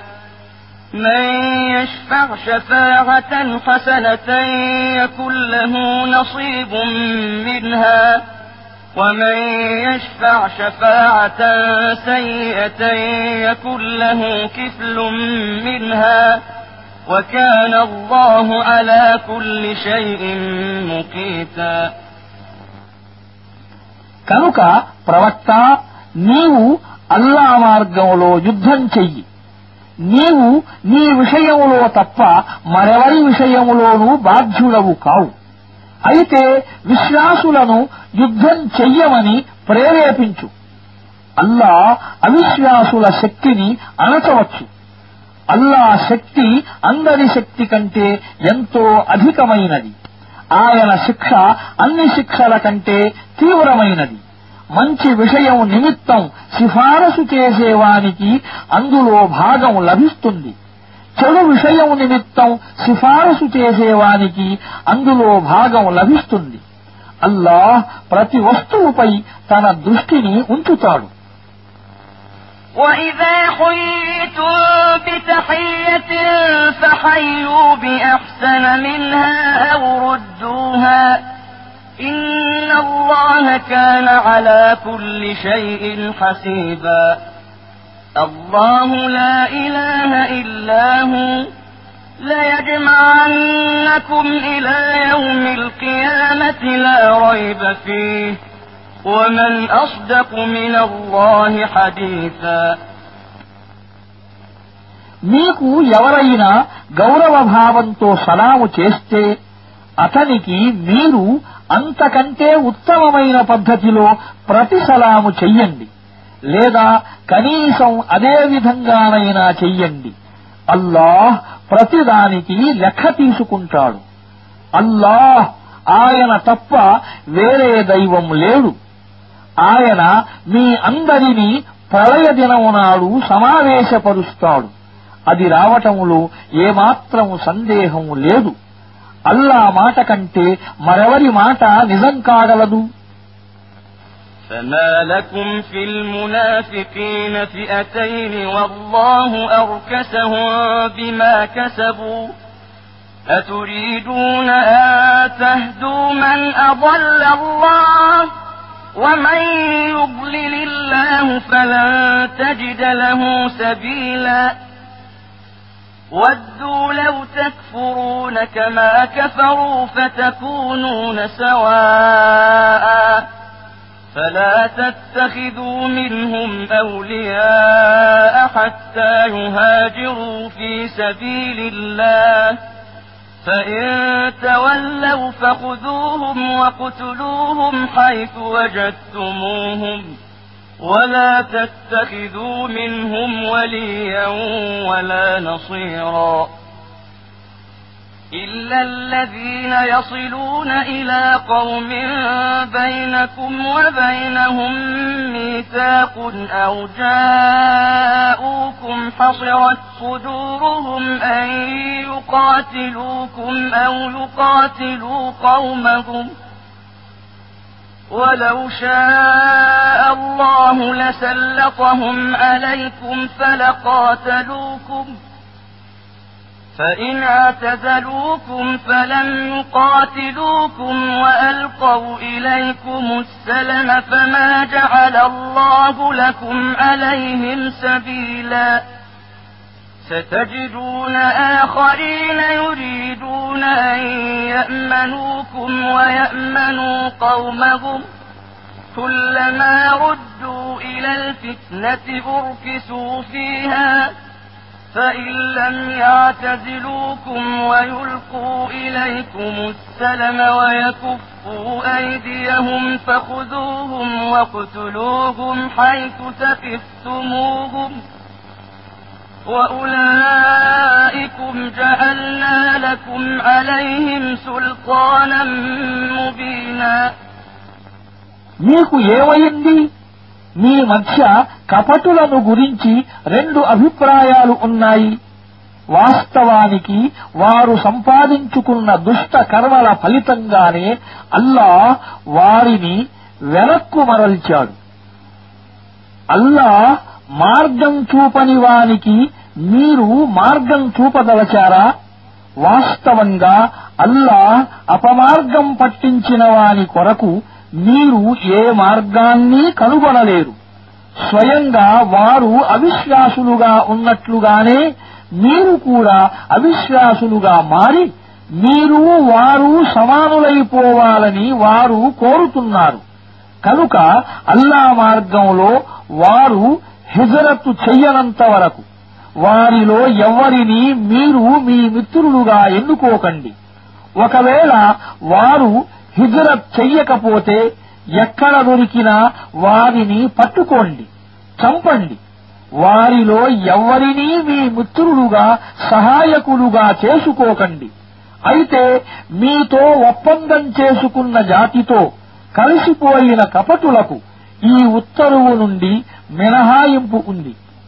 అదేవిధంగా మీ వద్దకు వచ్చి యుద్ధం పట్ల విముఖతను వ్యక్తం చేసి మీతో గాని లేక వారితో గాని యుద్ధం చెయ్యటానికి సమ్మతించని కపటులకు కూడా ఈ మినహాయింపు వర్తిస్తుంది అల్లా గనక సంకల్పించి ఉంటే వారికి మీపై ఆధిక్యాన్ని ఇచ్చి ఉండేవాడు నిశ్చయంగా వారు మీతో పోరాడి ఉండేవారే కాబట్టి వారు మీ నుండి వైదొలగిపోతే యుద్ధం చెయ్యటం మానివేస్తే సంధి కొరకు శాంతి కొరకు చేయి చాపితే అప్పుడు వారిపై దాడి చెయ్యటానికి అల్లా మీ కొరకు ఏ కారణాన్ని వదలలేదు మరొక రకం కపటులను మీరు చూస్తారు వారు మీతోనూ తమ జాతి వారితోనూ శాంతియుతంగా ఉండాలని కోరుకుంటారు కాని ఎప్పుడైనా అల్లకల్లోల పరిస్థితి ఏర్పడినప్పుడు అదును చూసి వారు అందులోకి దూకుతారు అలాంటి వారు మీతో పోరాడటం మానుకోకపోతే సంధి కొరకు శాంతి కొరకు చేయి చాపకపోతే తమ చేతులను ఆపి ఉంచకపోతే అప్పుడు వారిని ఎక్కడ దొరికితే అక్కడ పట్టుకోండి సంహరించండి వారితో యుద్ధం చెయ్యటానికి మేము మీకు స్పష్టమైన అధికారాన్ని ఇచ్చాము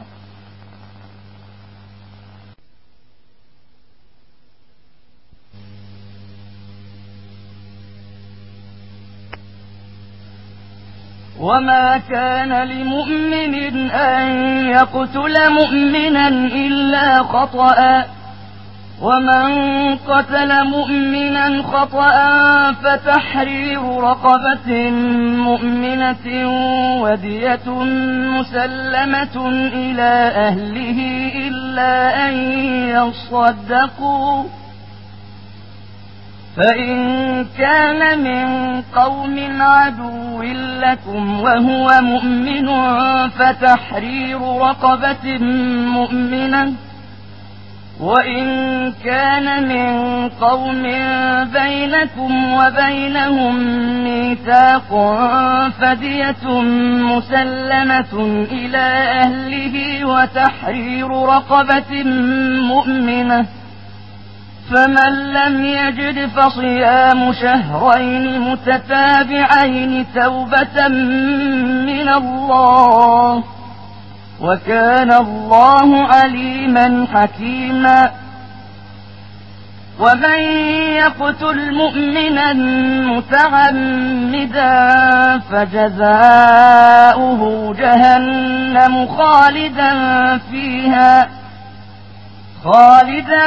فيها وغضب الله عليه ولعنه وأعد له عذابا عظيما పొరపాటుగా తప్ప ఒక విశ్వాసి మరొక విశ్వాసిని చంపటం తగని పని ఒక విశ్వాసిని పొరపాటుగా చంపినవాడు దానికి పరిహారంగా ఒక ముస్లిం బానిసకు విముక్తి కలిగించాలి ఇంకా హతుని వారసులకు రక్త పరిహారాన్ని అతడు చెల్లించాలి వారు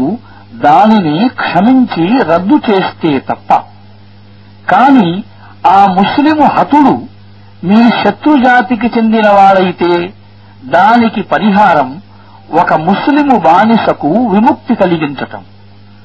ఒకవేళ అతడు నీతో వడంబడిక చేసుకున్న ముస్లిమేతర జాతికి చెందినవాడైతే అతని వారసులకు రక్త పరిహారాన్ని చెల్లించాలి ఇంకా ఒక ముస్లిము బానిసను విడుదల చెయ్యాలి బానిస దొరకని వారు వరుసగా రెండు మాసాలు ఉపవాసం ఉండాలి ఈ అపరాధానికి గాను అల్లా ముందు పశ్చాత్తాపడే పద్ధతి ఇదే అల్లాహ్ అన్నీ తెలిసినవాడు అత్యంత వివేకవంతుడును ఇక బుద్ధిపూర్వకంగా ఒక విశ్వాసిని చంపేవానికి ప్రతిఫలం నరకం అందులో అతడు సదా ఉంటాడు అతనిపై అల్లా ఆగ్రహం శాపం అవతరిస్తాయి అల్లా అతడి కొరకు కఠినమైన శిక్షను సిద్ధపరచి ఉంచాడు يا أيها الذين آمنوا إذا ضربتم في سبيل الله فتبينوا ولا تقولوا فتبينوا ولا تقولوا لمن ألقى إليكم السلام لست مؤمنا تبتغون أرض الحياة الدنيا فعند الله مغانم كثيرة كذلك كنتم من قبل فمن الله عليكم فتبينوا إن الله كان بما تعملون خبيرا విశ్వసించిన ఓ ప్రజలారా మీరు అల్లా మార్గంలో జహాదు కొరకు బయలుదేరినప్పుడు మిత్రులు శత్రువుల మధ్య విచక్షణ చేయండి మీ వైపునకు సలాము చేస్తూ ముందుకు వచ్చేవాణ్ణి నీవు ముస్లిమువు కావు అని త్వరపడి అనకండి మీరు గనక ప్రాపంచిక ప్రయోజనాలను పొందగోరితే అల్లా వద్ద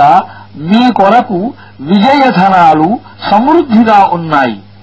దీనికి పూర్వం స్వయంగా మీరూ ఇదే స్థితిలో ఉన్నారు కదా ఆ తరువాత అల్లా మిమ్మల్ని కనికరించాడు కనుక వివేచనతో వ్యవహరించండి మీరు చేసేదంతా అల్లాకు బాగా తెలుసు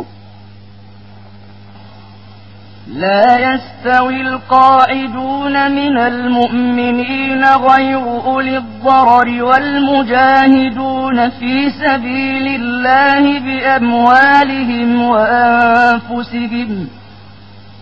فضل الله المجاهدين بأموالهم وأنفسهم على القاعدين درجة وكلا وعد الله الحسنى وفضل الله المجاهدين على القاعدين أجرا عظيما درجات منه ومغفرة ورحمة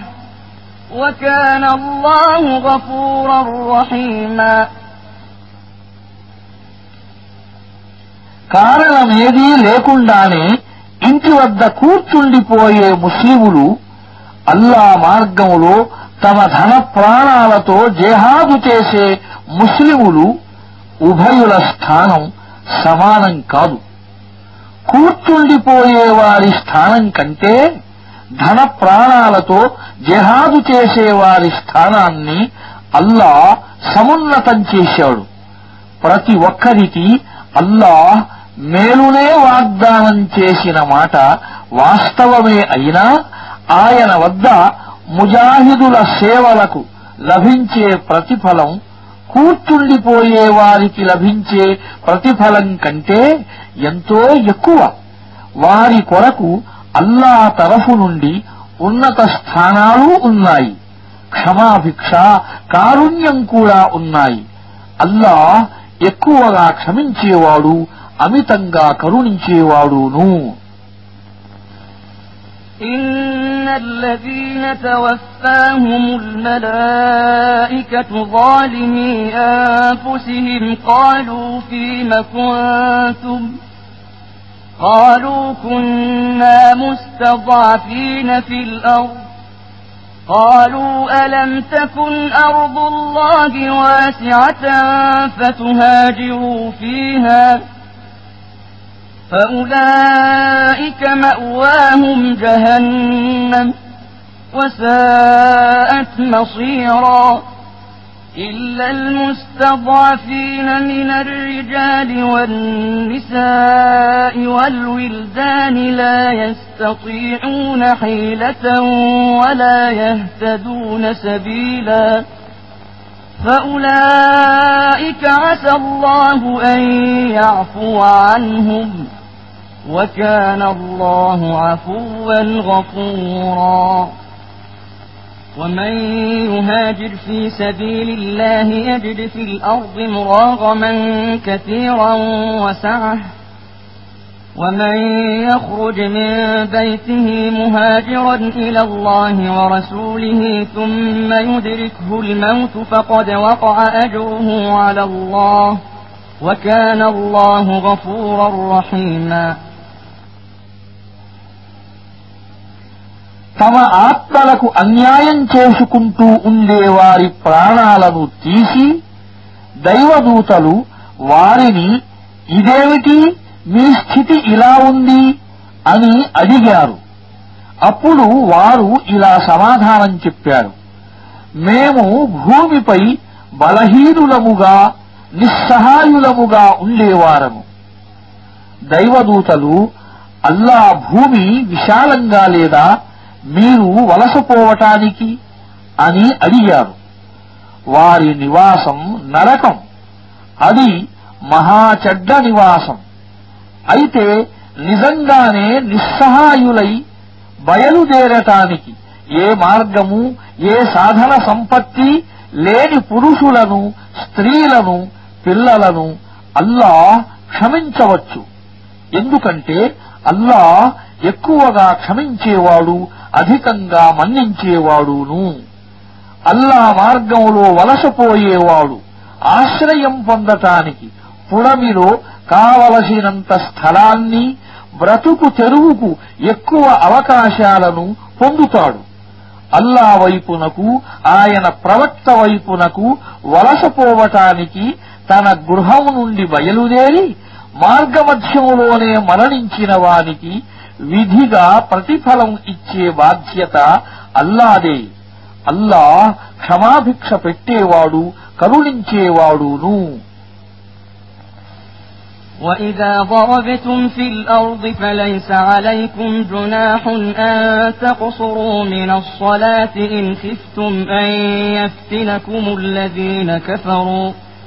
إن الكافرين كانوا لكم عدوا مبينا మీరు ప్రయాణానికి బయలుదేరినప్పుడు నమాజును సంక్షిప్తం చేస్తే అది తప్పు కాదు ముఖ్యంగా అవిశ్వాసులు మిమ్మల్ని వేధిస్తారనే భయం మీకు కలిగినప్పుడు ఎందుకంటే వారు మీతో బహిరంగ వైరానికి పూనుకున్నారు وإذا كنت فيهم فأقمت لهم الصلاة فلتقم طائفة منهم معك وليأخذوا أسلحتهم وليأخذوا أسلحتهم فإذا سجدوا فليكونوا من ورائكم ولتأت طائفة أخرى لم يصلوا فليصلوا معك ۖ ولتأت طائفة أخرى لم يصلوا فليصلوا معك وليأخذوا حذرهم وأسلحتهم ود الذين كفروا لو تغفلون عن أسلحتكم وأمتعتكم فيميلون عليكم ميلة واحدة ولا جناح عليكم إن كان بكم أذى من مطر أو كنتم مرضى أن تضعوا أسلحتكم وخذوا حذركم إن الله أعد للكافرين عذابا مهينا فإذا قضيتم الصلاة فاذكروا الله قياما وقعودا وعلى جنوبكم فإذا اطمأنتم فأقيموا الصلاة إن الصلاة كانت على المؤمنين كتابا موقوتا ప్రవక్త నీవు ముస్లిముల మధ్య ఉండి పోరాటం జరుగుతూ ఉండగా నమాజు చేయించటానికి వారితో నిలబడితే వారిలోని ఒక వర్గం నీతో పాటు నిలబడాలి వారు అస్త్రధారులై ఉండాలి వారు తమ సజదాను పూర్తి చేసుకుంటే వెనక్కి వెళ్లిపోవాలి అప్పుడు ఇంకా నమాజు చెయ్యని రెండో వర్గం వచ్చి నీతో పాటు నమాజు చెయ్యాలి వారు కూడా జాగరూకులై ఉండాలి తమ ఆయుధాలను ధరించి ఉండాలి ఎందుకంటే మీరు మీ ఆయుధాల పట్ల మీ సామానుల పట్ల ఏ కొద్దిపాటి అజాగ్రత్త చూపినా మీపై ఒక్కసారిగా విరుచుకుపడాలని అవిశ్వాసులు కాచుకుని ఉన్నారు అయితే వర్షం వల్ల మీకు ఇబ్బందిగా ఉంటే లేక మీరు అస్వస్థులైతే ఆయుధాలను దించటం తప్పు కాదు అయినప్పటికీ మీ జాగ్రత్తలో మీరు ఉండాలి అవిశ్వాసుల కొరకు అల్లాహ్ నిశ్చయంగా అవమానకరమైన శిక్షను సిద్ధం చేసి ఉంచాడు నమాజును పూర్తి చేసిన తరువాత నిలుచున్నా కూర్చున్నా పరుండినా ఏ స్థితిలో ఉన్నా అల్లాము మటుకు స్మరిస్తూ ఉండండి శాంతి భద్రతలు నెలకొన్నప్పుడు పూర్తి నమాజును చెయ్యండి వాస్తవానికి నమాజు విశ్వాసులు నిర్ణీత సమయాలలో విధిగా పాటించవలసిన ధర్మం ولا تهنوا في ابتغاء القوم إن تكونوا تألمون فإنهم يألمون كما تألمون وترجون من الله ما لا يرجون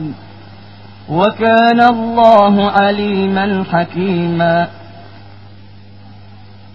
ఈ వర్గాన్ని వెన్నాడటంలో బలహీనతను ప్రదర్శించకండి ఒకవేళ మీరు బాధపడుతూ ఉంటే మీ మాదిరిగానే వారు కూడా బాధపడుతున్నారు పైగా అల్లా నుండి వారు ఆశించని దానిని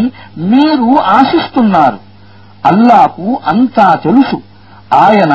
అత్యంత వివేక సంపన్నుడు إنا أنزلنا إليك الكتاب بالحق لتحكم بين الناس بما أراك الله ولا تكن للخائنين خصيما واستغفر الله إن الله كان غفورا رحيما ولا تجادل عن الذين يختانون أنفسهم إن الله لا يحب من كان خوانا أثيما يستخفون من الناس ولا يستخفون من الله وهو معهم إذ يبيتون ما لا يرضى من القول ۖ وكان الله بما يعملون محيطا ها أنتم هؤلاء جادلتم عنهم في الحياة الدنيا فمن يجادل الله عنهم يوم القيامة فمن يجادل الله عنهم يوم القيامة أم من يكون عليهم وكيلاً ومن يعمل سوءا أو يظلم نفسه ثم يستغفر الله يجد الله غفورا رحيما ومن يكسب إثما فإنما يكسبه على نفسه وكان الله عليما حكيما ومن يكسب خطيئة أو إثما ثم يرم به بريئا فقد احتمل بهتانا وإثما مبينا ప్రవక్త అల్లాహ్ నీకు చూపిన రుజుమార్గానికి అనుగుణంగా నీవు ప్రజల మధ్య తీర్పు చెయ్యటానికి మేము ఈ గ్రంథాన్ని సత్యంతో నీ వద్దకు పంపాము నీవు నీతి లేని వారి తరఫున వాదిగా నిలబడకు క్షమాభిక్ష కొరకు అల్లాను ప్రార్థించు ఆయన ఎక్కువగా క్షమించేవాడు అధికంగా కరుణించేవాడును ఆత్మద్రోహం చేసుకునేవారిని నీవు బలపరచకు నమ్మక ద్రోహి నిత్య పాపి అయిన మనిషిని అల్లా ప్రేమించడు వారు తమ దుష్కర్మలను మానవులకు తెలియకుండా దాచగలరు కాని అల్లాకు తెలియకుండా దాచలేదు రాత్రులందు వారు ఆయన అధిష్టానికి వ్యతిరేకంగా రహస్య సమాలోచనలు జరిపే సమయంలో కూడా ఆయన వారితో ఉంటాడు వారి సకల చర్యలను అల్లాహ్ పరివేష్టించి ఉన్నాడు మీరు ఈ అపరాధుల తరఫున ఇహలోక జీవితంలోనైతే వాదించారు కాని ప్రళయం రోజున వారి తరఫున అల్లాతో ఎవరు వాదిస్తారు వారిని అక్కడ సమర్థించేవాడెవడు చెడ్డ పని చేసినవాడు లేదా తన ఆత్మకు అన్యాయం చేసుకున్నవాడు తరువాత క్షమాభిక్ష పట్టమని అల్లాను అర్థిస్తే అతడు అల్లాను క్షమించేవాడుగా కరుణామయుడుగా తెలుసుకుంటాడు కాని ఎవడైనా చెడును సంపాదించుకుంటే తరువాత పశ్చాత్తాప పడకపోతే అతని ఈ సంపాదన అతనికే విపత్తుగా పరిణమిస్తుంది అల్లాకు అన్ని విషయాలు తెలుసు ఆయన వివేక సంపన్నుడు ఎవడైనా ఏదైనా నేరం గాని లేక పాపం చేసి ఆ నిందను ఏ నిర్దోషిపైనైనా మోపితే అతడు తీవ్రమైన అపనిందను ఘోర పాతకాన్ని మూటగట్టుకుంటాడు ولولا فضل الله عليك ورحمته لهم طائفة منهم أن يضلوك وما يضلون إلا أنفسهم وما يضرونك من شيء وأنزل الله عليك الكتاب والحكمة وعلمك ما لم تكن تعلم وكان فضل الله عليك عظيما ప్రవక్త అల్లా అనుగ్రహం గనక నీపై ఉండి ఉండకపోతే ఆయన కారుణ్యం నీకు తోడుగా ఉండి ఉండకపోతే వారిలోని ఒక వర్గం నిన్ను అపార్థానికి గురి చెయ్యాలనే నిర్ణయం తీసుకుంది వాస్తవానికి వారు తమను తాము తప్ప మరెవ్వరినీ అపార్థానికి గురి చేసుకోలేదు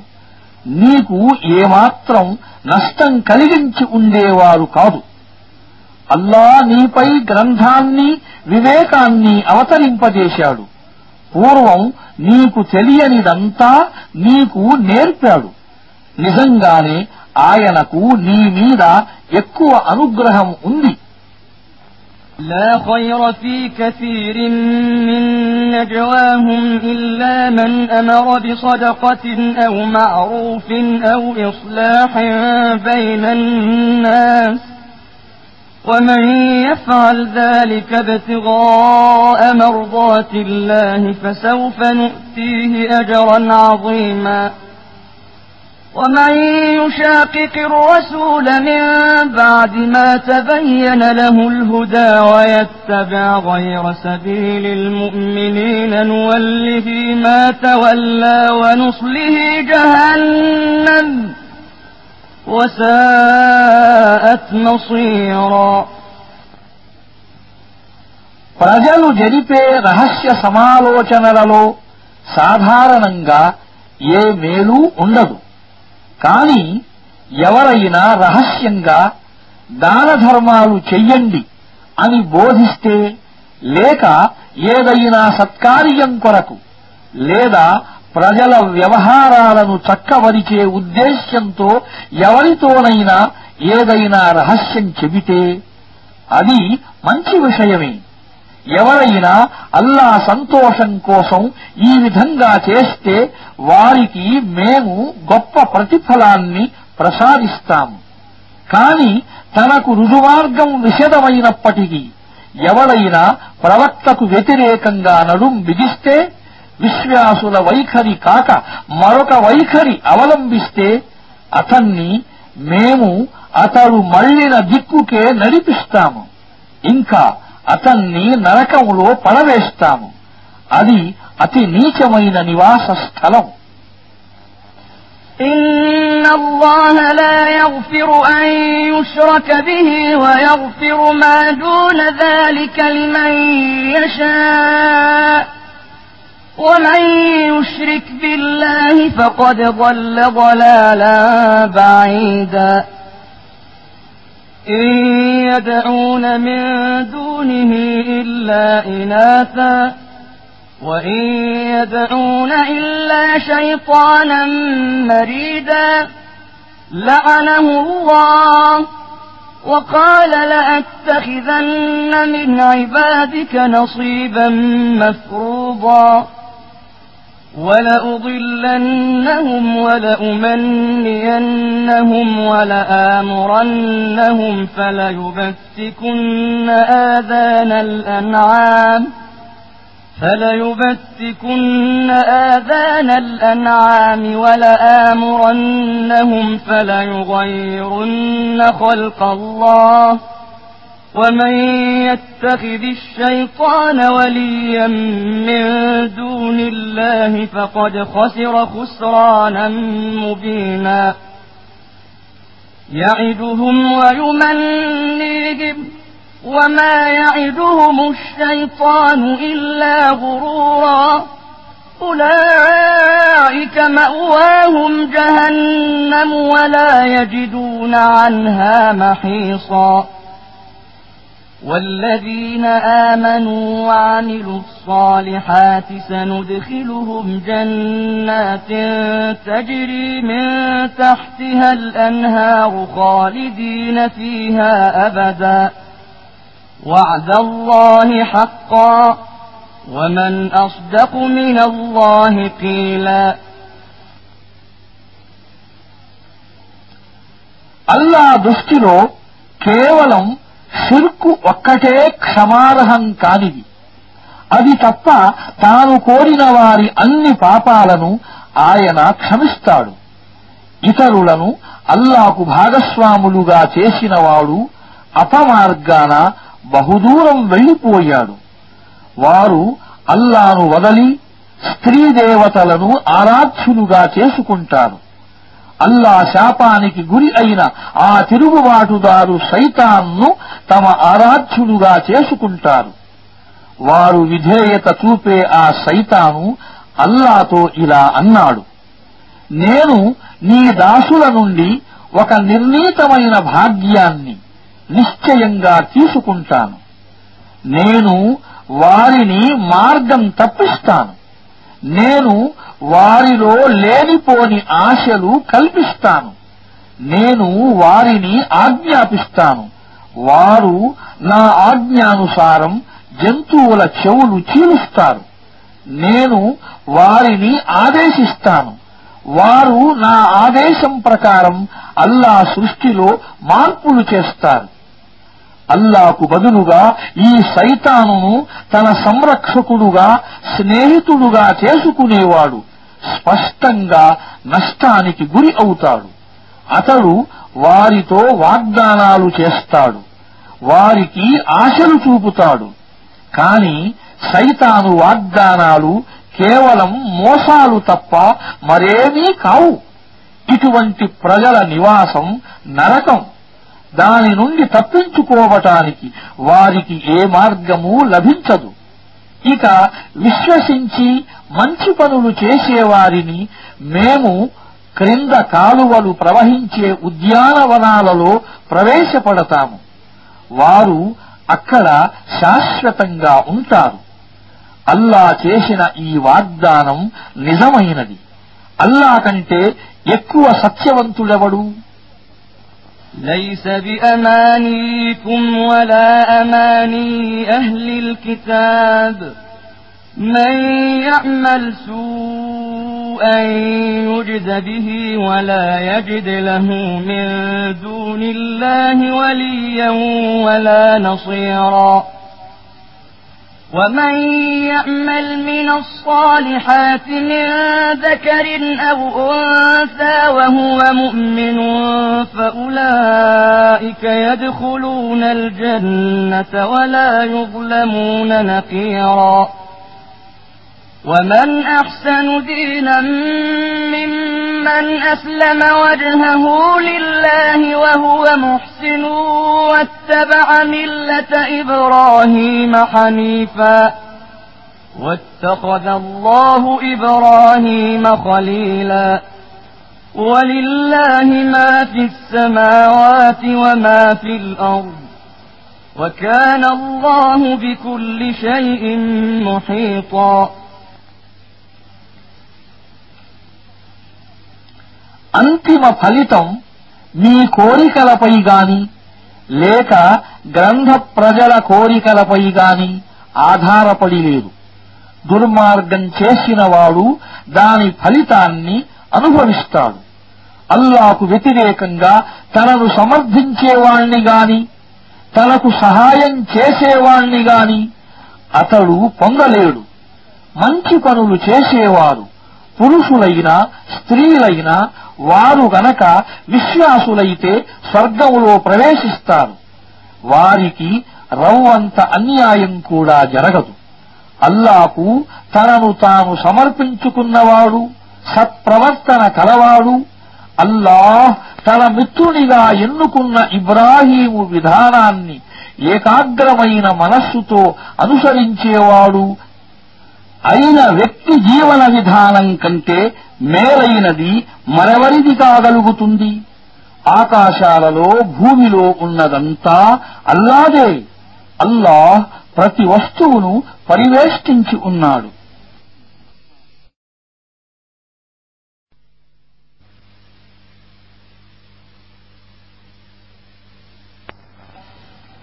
وَيَسْتَفْتُونَكَ فِي النِّسَاءِ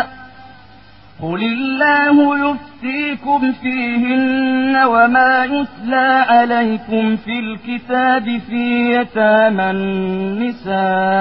اللاتي لا تؤتونهن ما كتب لهن اللاتي لا تؤتونهن ما كتب لهن وترغبون أن تنكحوهن والمستضعفين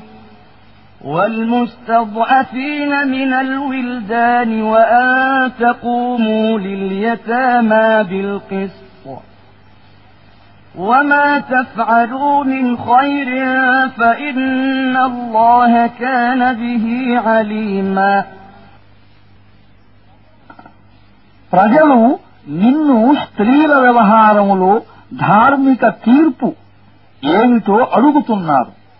వారితో ఇలా చెప్పు వారి విషయములో అల్లాహ్ మీకు ధార్మిక తీర్పు ఇస్తున్నాడు దానితో పాటు పూర్వము నుండి మీకు ఈ గ్రంథంలో వినిపించబడుతూ వచ్చిన ఉత్తర్వులను కూడా జ్ఞాపకం చేస్తున్నాడు అంటే మీరు హక్కులను నెరవేర్చని మీరు వివాహం చేయని అనాథ బాలికలకు సంబంధించిన ఉత్తర్వులు ఇంకా బలహీనులు నిస్సహాయులు అయిన పిల్లలకు సంబంధించిన ఉత్తర్వులు అనాథులతో న్యాయంగా వ్యవహరించమని అల్లా మీకు ఆజ్ఞాపిస్తున్నాడు మీరు ఏ మంచి పని చేసినా అది అల్లాకు తెలియకుండా ఉండదు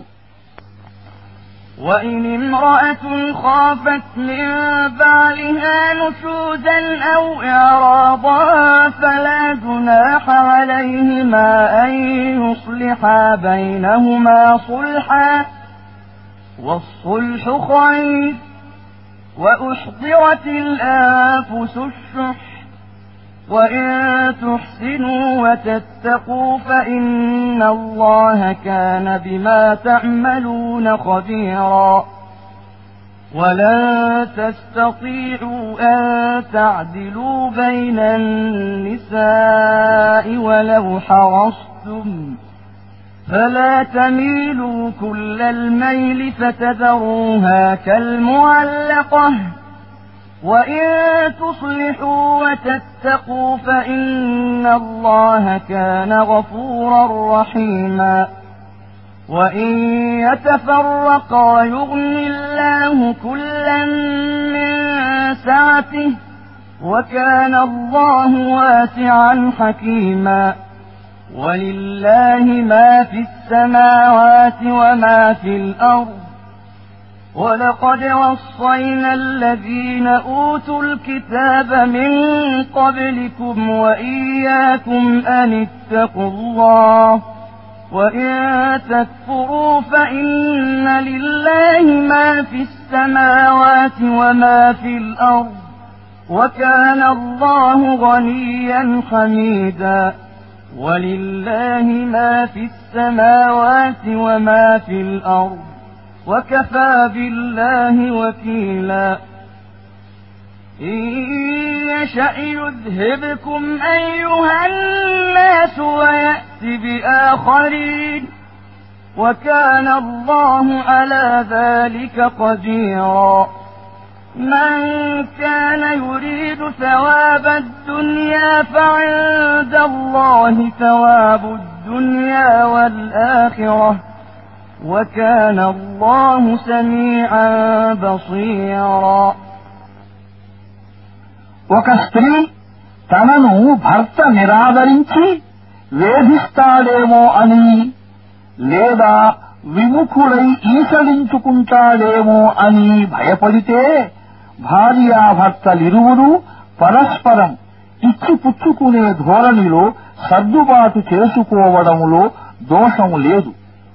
ఏమైనప్పటికీ సర్దుబాటే అన్ని విధాలా ఉత్తమమైనది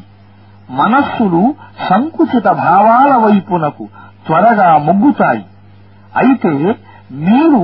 ఉదారబుద్ధితో వ్యవహరిస్తే భయభక్తులతో మెలిగితే అల్లాకు మీ ఈ ప్రవర్తన తెలియకుండా ఉండదని నమ్మండి భార్యల మధ్య పూర్తి న్యాయం చెయ్యటం మీ శక్తికి మించిన పని మీరు ఎంత కోరినా దీనిని సాధించలేరు కనుక ఒక భార్య వైపునకు ఎక్కువగా మొగ్గి మరొకామెను డోలాయమాన స్థితిలో పడవెయ్యకండి అప్పుడు దైవశాసనం యొక్క ఉద్దేశ్యం పూర్తవుతుంది మీరు మీ ప్రవర్తనను సరిచేసుకుని అల్లాకు భయపడుతూ ఉంటే అల్లాహ్ క్షమించేవాడు కరుణించేవాడును కాని ఒకవేళ దంపతులు పరస్పరం విడిపోవటమే జరిగితే అప్పుడు అల్లాహ్ తన అపారమైన శక్తి ద్వారా వారికి ఒకరి అవసరం మరొకటికి లేకుండా చేస్తాడు అల్లాహ్ అనంతమైన వనరులు కలవాడు ఆయన వివేకవంతుడు అన్నీ తెలిసినవాడును ఆకాశాలలో భూమిలో ఉన్నదంతా అల్లాదే అల్లాకు భయపడుతూ ప్రవర్తించండి అని మీకు పూర్వం మేము గ్రంథం ఇచ్చిన వారికి ఉపదేశించాము ఇప్పుడు మీకు ఉపదేశిస్తున్నాము ఒకవేళ మీరు నిరాకరిస్తే నిరాకరించండి భూమ్యాకాశాలలో ఉన్న సమస్త వస్తువులకు యజమాని అల్లాయే ఆయన లేనివాడు ప్రతి స్తోత్రానికి అర్హుడు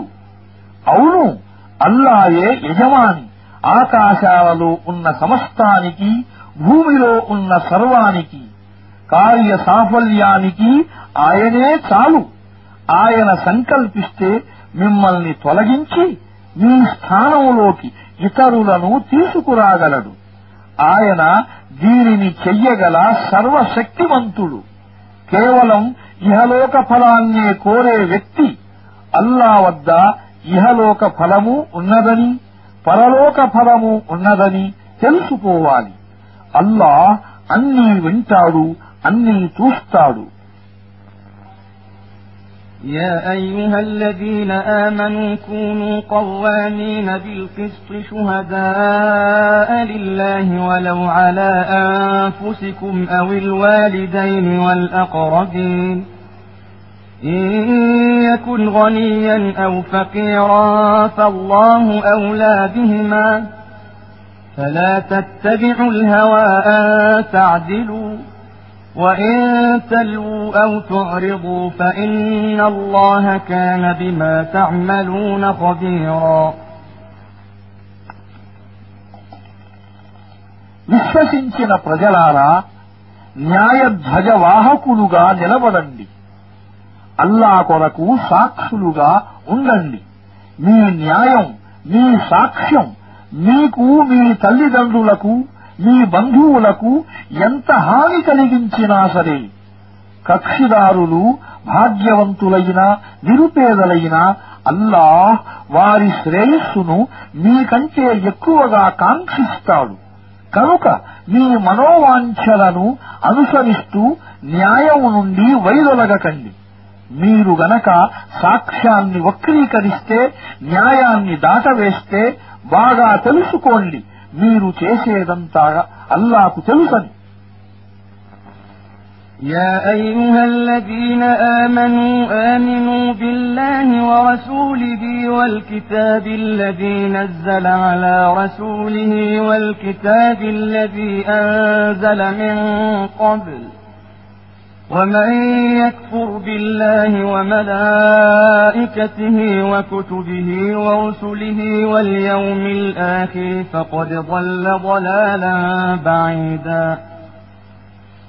إن الذين آمنوا ثم كفروا ثم آمنوا ثم كفروا ثم ازدادوا كفرا لم يكن الله ليغفر لهم ولا ليهديهم سبيلا بشر المنافقين بأن لهم عذابا أليما الذين يتخذون الكافرين أولياء من دون المؤمنين أيبتغون عندهم العزة فإن العزة لله جميعا وقد نزل عليكم في الكتاب أن إذا سمعتم آيات الله يكفر بها ويستهزأ بها فلا تقعدوا معهم حتى يخوضوا في حديث غيره إنكم إذا مثلهم إن الله جامع المنافقين والكافرين في جهنم جميعا الذين يتربصون بكم فإن كان لكم فتح من الله قالوا ألم نكن معكم ؟ وإن كان للكافرين نصيب قالوا ألم نستحوذ عليكم ونمنعكم من المؤمنين فالله يحكم بينكم يوم القيامة ولن يجعل الله للكافرين على المؤمنين سبيلا విశ్వసించిన ఓ ప్రజలారా అల్లాను ఆయన ప్రవక్తను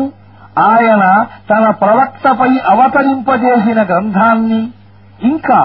ఆయన దీనికి పూర్వం అవతరింపజేసిన ప్రతి గ్రంథాన్ని విశ్వసించండి అల్లాను ఆయన దూతలను ఆయన గ్రంథాలను ఆయన ప్రవక్తలను అంతిమ దినాన్ని తిరస్కరించినవాడు నిశ్చయంగా మార్గం తప్పి అపమార్గంలో పడి చాలా దూరం పోయాడు ఇక విశ్వసించి తరువాత తిరస్కరించి మళ్లీ విశ్వసించి మళ్లీ తిరస్కరించి ఆ తిరస్కారములోనే పురోగమించేవారిని అల్లాహ్ సుతరాము క్షమించడు వారికి ఎన్నటికీ రుజుమార్గాన్ని చూపడు విశ్వాసులను త్రోసిరాదని అవిశ్వాసులను తమ మిత్రులుగా చేసుకునే కపటులకు యథాభరితమైన శిక్ష సిద్ధంగా ఉందనే శుభవార్తను వినిపించండి వీరు గౌరవం పొందే ఆశతోన వారి వద్దకు పోయేది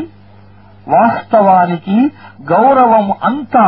పూర్తిగా అల్లాకు మాత్రమే చెందుతుంది అల్లాహ్ ఈ గ్రంథంలో మీకు ఇదివరకే ఈ ఉత్తర్వు ఇచ్చి ఉన్నాడు అల్లా వాక్యాలకు వ్యతిరేకంగా తిరస్కార వచనాలు వాడటాన్ని వాటిని పరిహసించటాన్ని మీరు విన్నట్లయితే ప్రజలు వేరే విషయాన్ని ప్రారంభించనంత వరకు మీరు అక్కడ కూర్చోరాదు ఇప్పుడు మీరు గనక అలా చేస్తే మీరు వారిలాంటి వారే అల్లాహ్ కపటులను అవిశ్వాసులను నరకంలో ఒకచోట పోగు చెయ్యబోతున్నాడనే విషయం నిశ్చయమని తెలుసుకోండి ఈ కపటులు మీ విషయంలో నిరీక్షిస్తున్నారు గాలి ఎటు వీస్తోందో అని అల్లా తరఫు నుండి విజయం గనక మిమ్మల్ని వరిస్తే మీ వద్దకు వచ్చి వారు మేము మీతో ఉండలేదా అని అంటారు ఒకవేళ అవిశ్వాసులదే పైచెయ్యి అయితే వారితో మీకు వ్యతిరేకంగా పోరాడే శక్తి మాకు లేదా అయినప్పటికీ మేము మిమ్మల్ని ముస్లిముల బారి నుండి కాపాడాము అని అంటారు మీ ఉభయుల వ్యవహారాన్ని అల్లాహ్ ప్రళయము నాడు పరిష్కరిస్తాడు ఆ పరిష్కారములో ముస్లిములపై విజయం పొందే ఏ మార్గాన్ని అవిశ్వాసులకు అల్లా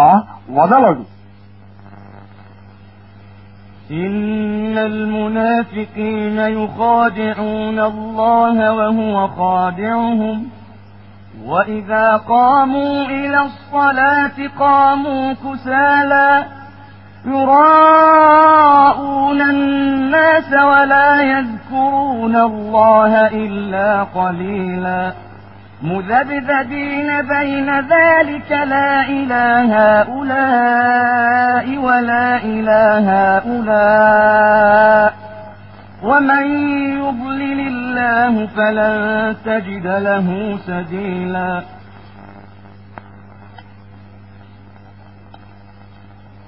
ఈ కపటులు అల్లాను మోసం చేస్తున్నారు వాస్తవానికి అల్లాయే వారిని మోసంలో పడవేశాడు వారు నమాజు కొరకు లేస్తే బద్ధకంగా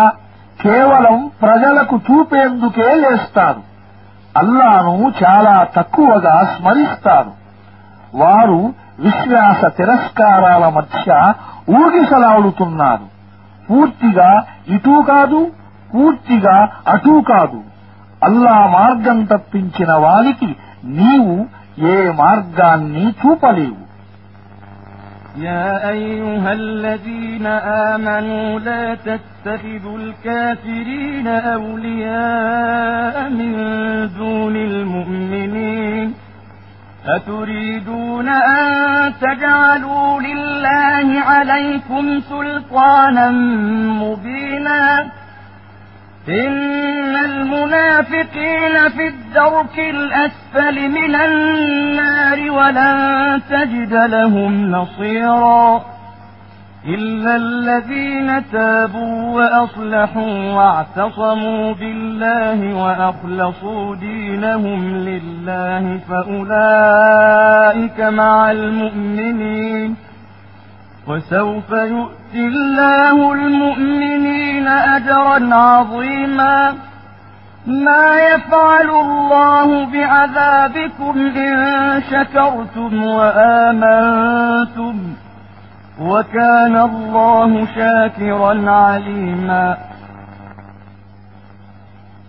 విశ్వసించిన ఓ ప్రజలారా విశ్వాసులను కాదని అవిశ్వాసులను మీ మిత్రులుగా చేసుకోకండి మీరు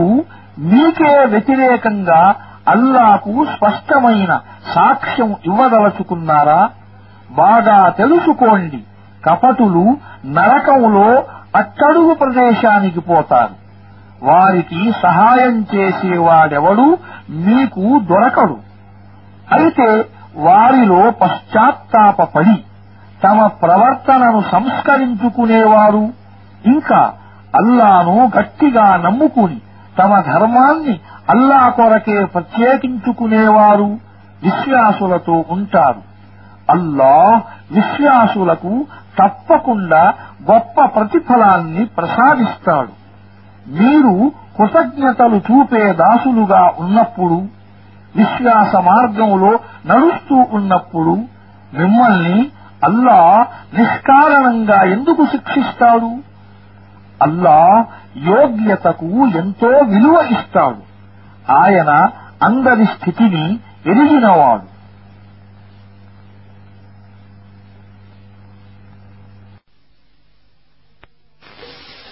بسم الله الرحمن الرحيم لا يحب الله الجهر بالسوء من القول إلا من ظلم وكان الله سميعا عليما إن تبدوا خيرا أو تخفوه أو تعفو عن سوء فإن الله كان عفوا قديرا అన్యాయం జరిగితే తప్ప మనిషి చెడు పలకటాన్ని అల్లా ఇష్టపడడు అల్లా అన్నీ వినేవాడు అన్నీ తెలిసినవాడును అన్యాయం జరిగితే చెడు పలికే హక్కు మీకు ఉంది అయినప్పటికీ మీరు బహిరంగంగానూ చాటుగాను మేలే చేస్తూ పోతే లేదా కనీసం చెడును క్షమతో ఉపేక్షిస్తే అల్లాహ్ క్షమించేవాడు శక్తి కలవాడు కూడా إن الذين يكفرون بالله ورسله ويريدون أن يفرقوا بين الله ورسله ويقولون ويقولون نؤمن ببعض ونكفر ببعض ويريدون أن يتخذوا بين ذلك سبيلا أولئك هم الكافرون حقا وأعتدنا للكافرين عذابا مهينا والذين آمنوا بالله ورسله ولم يفرقوا بين أحد منهم أولئك سوف يؤتيهم أجورهم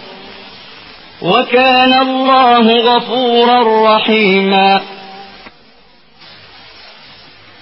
అల్లాను ఆయన ప్రవక్తలను తిరస్కరించేవారు అల్లాహ్ ఆయన ప్రవక్తల మధ్య భేదభావం చూపేవారు మేము కొందరిని విశ్వసిస్తాము మరికొందరిని విశ్వసించము అని అనేవారు అవిశ్వాస విశ్వాసాలకు మధ్య ఒక కొత్త మార్గాన్ని కనిపెట్టాలనే ఉద్దేశ్యం కలవారు వారు అందరూ పరమ అవిశ్వాసులే అటువంటి అవిశ్వాసుల కొరకు మేము అత్యంత అవమానకరమైన శిక్షను సిద్ధం చేసి ఉంచాము దీనికి భిన్నంగా అల్లాను ఆయన ప్రవక్తలందరినీ విశ్వసించి వారి మధ్య భేదభావం చూపని వారికి మేము వారి ప్రతిఫలాన్ని తప్పక ప్రసాదిస్తాము అల్లాహ్ అధికంగా మన్నించేవాడు అనన్యంగా కరుణించేవాడును يسألك أهل الكتاب أن تنزل عليهم كتابا من السماء فقد سألوا موسى أكبر من ذلك فقالوا أرنا الله جهرة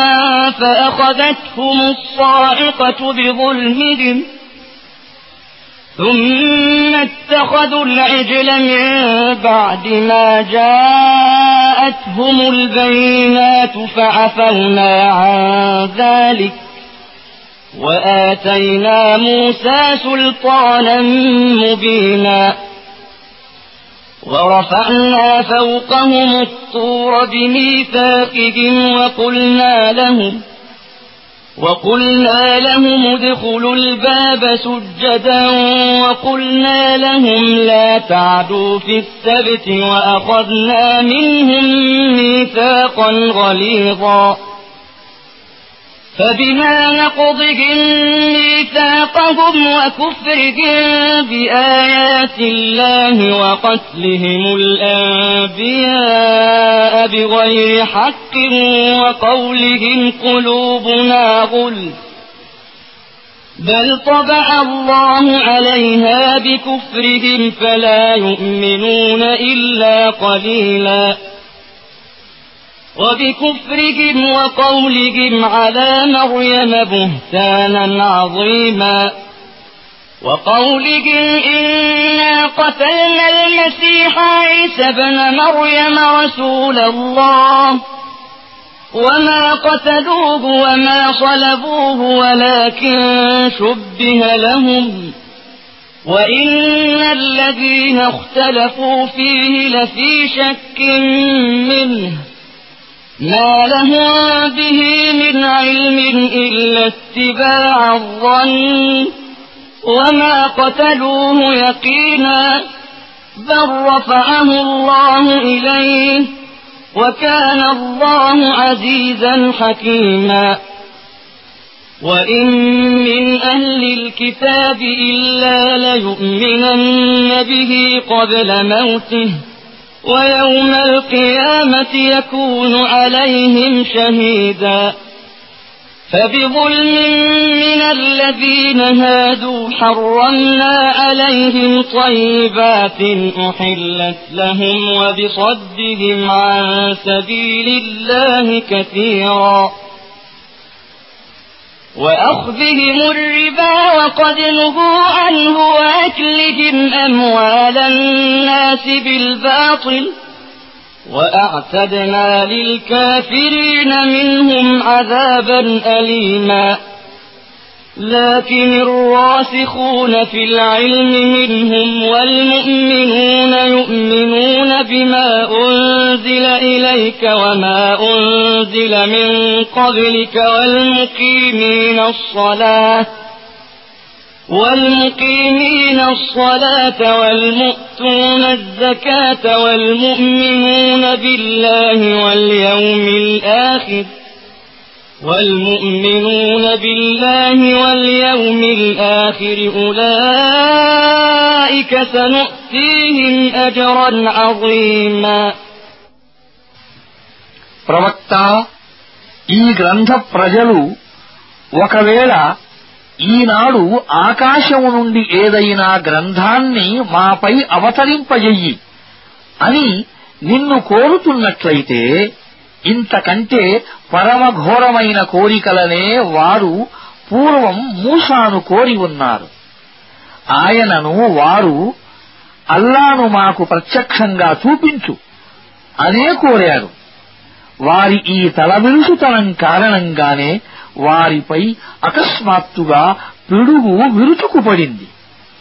తరువాత వారు ఆవుదూడను తమ ఆరాధ్య దైవంగా చేసుకున్నారు వాస్తవానికి వారు స్పష్టమైన సూచనలు చూసి ఉన్నారు దానికి కూడా మేము వారిని మన్నించాము మేము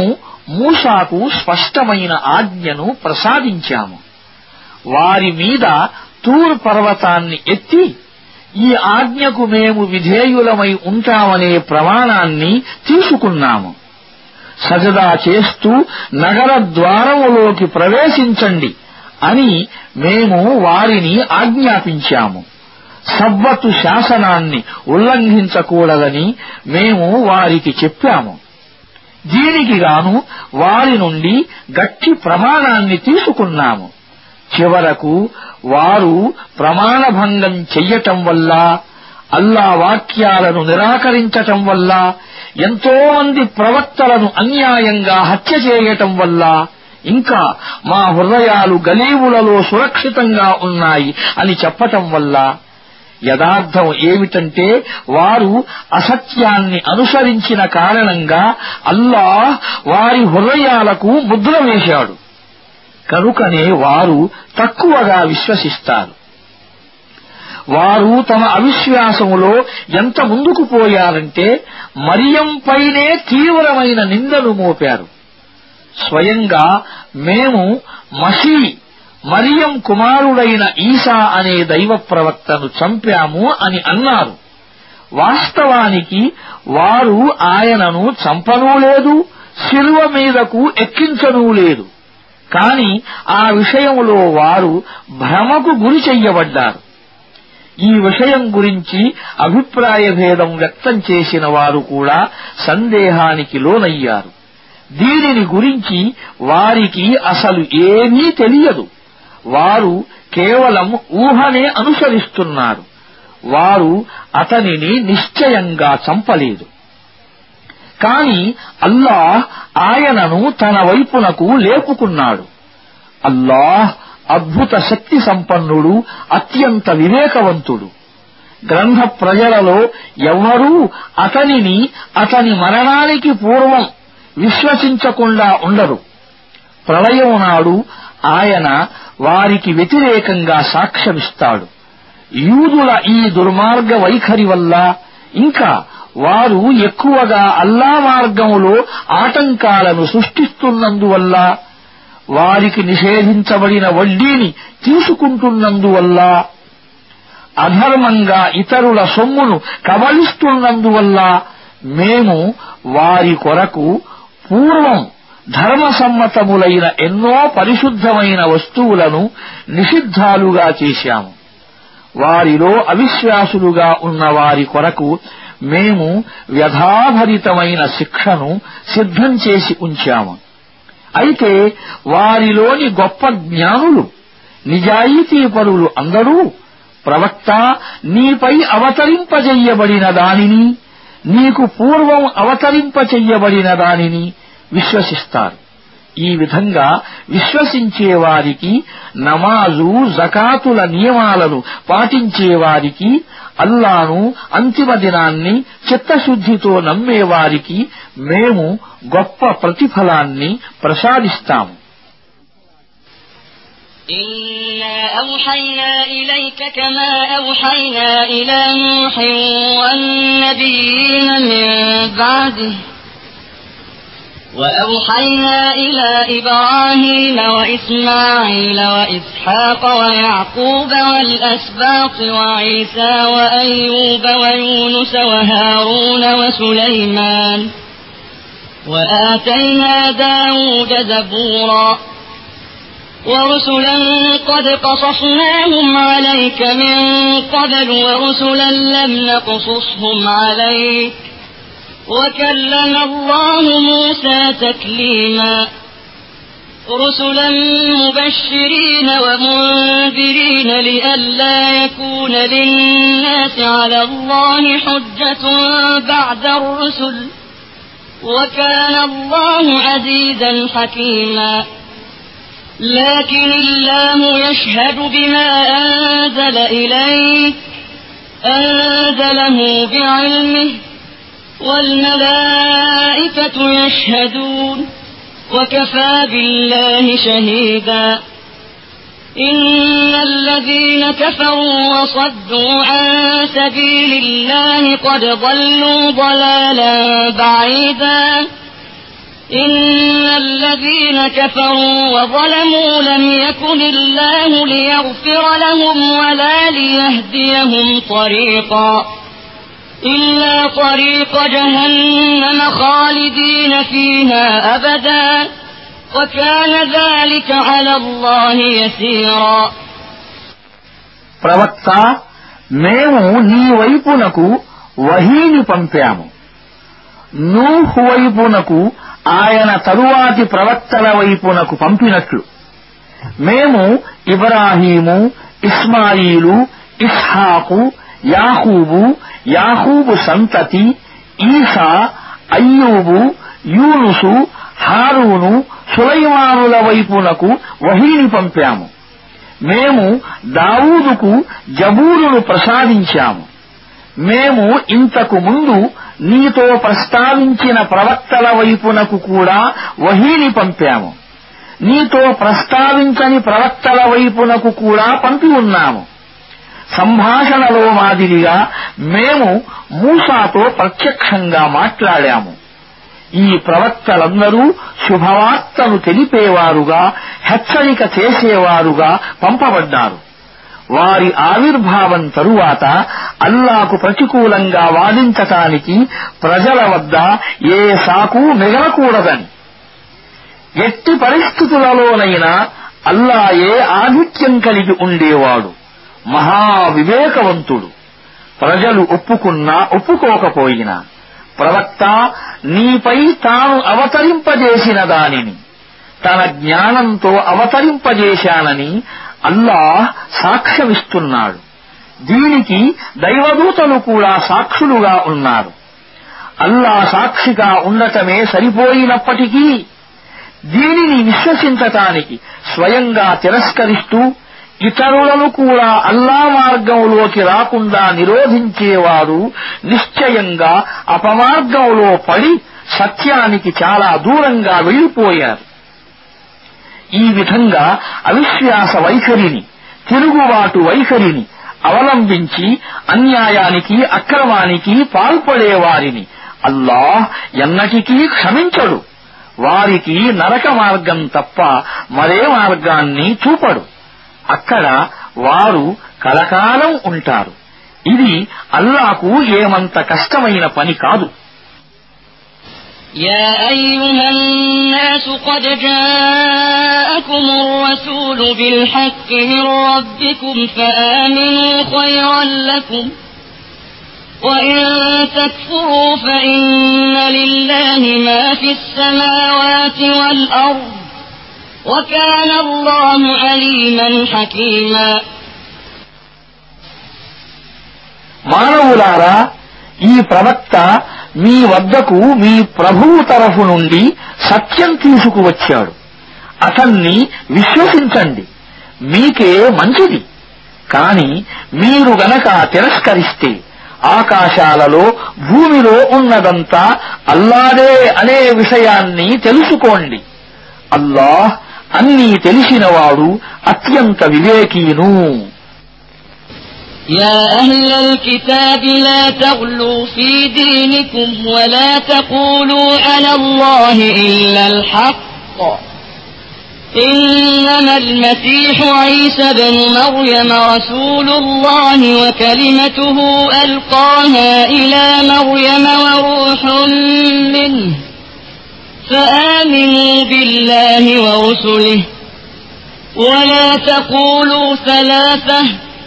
انتهوا خيرا لكم إنما الله إله واحد سبحانه أن يكون له ولد له ما في السماوات وما في الأرض وكفى بالله وكيلا గ్రంథ ప్రజలారా మీ ధర్మ విషయాలలో అతిగా ప్రవర్తించకండి అల్లాకు సత్యాన్ని తప్ప వేరే విషయాన్ని ఆపాదించకండి మసీహ్ మరియం కుమారుడైన ఈసా అల్లా పంపిన ఒక ప్రవక్త అల్లా మరియం వైపునకు పంపిన ఒక ఆజ్ఞ అల్లా తరఫు నుండి వచ్చిన ఒక ఆత్మ తప్ప మరేమీ కాదు కనుక అల్లాను ఆయన ప్రవక్తలను విశ్వసించండి ముగ్గురు అని అనకండి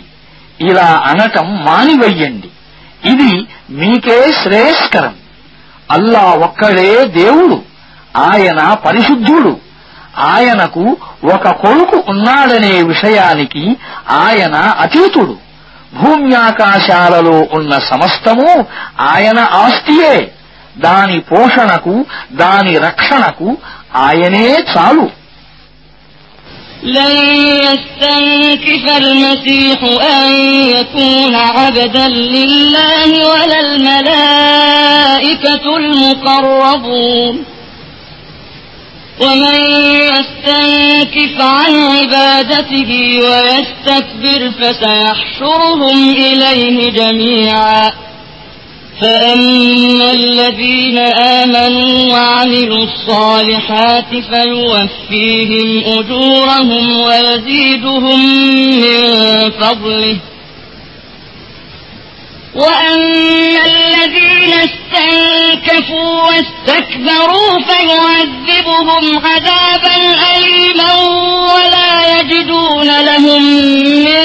دون الله وليا ولا نصيرا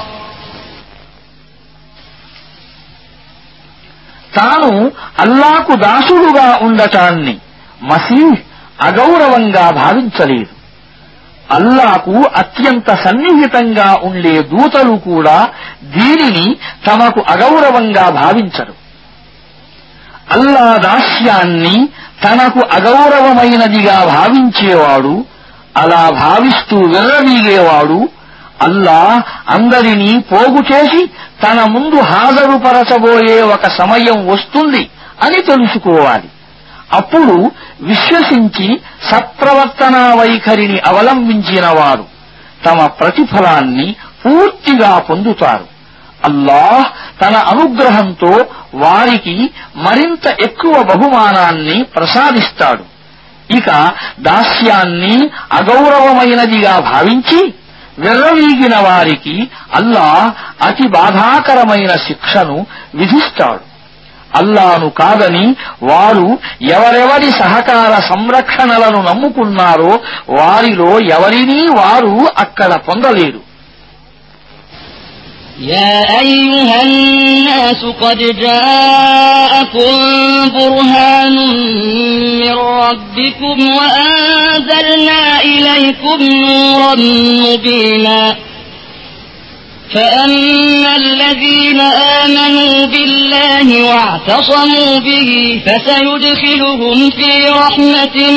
منه فسيدخلهم في رحمة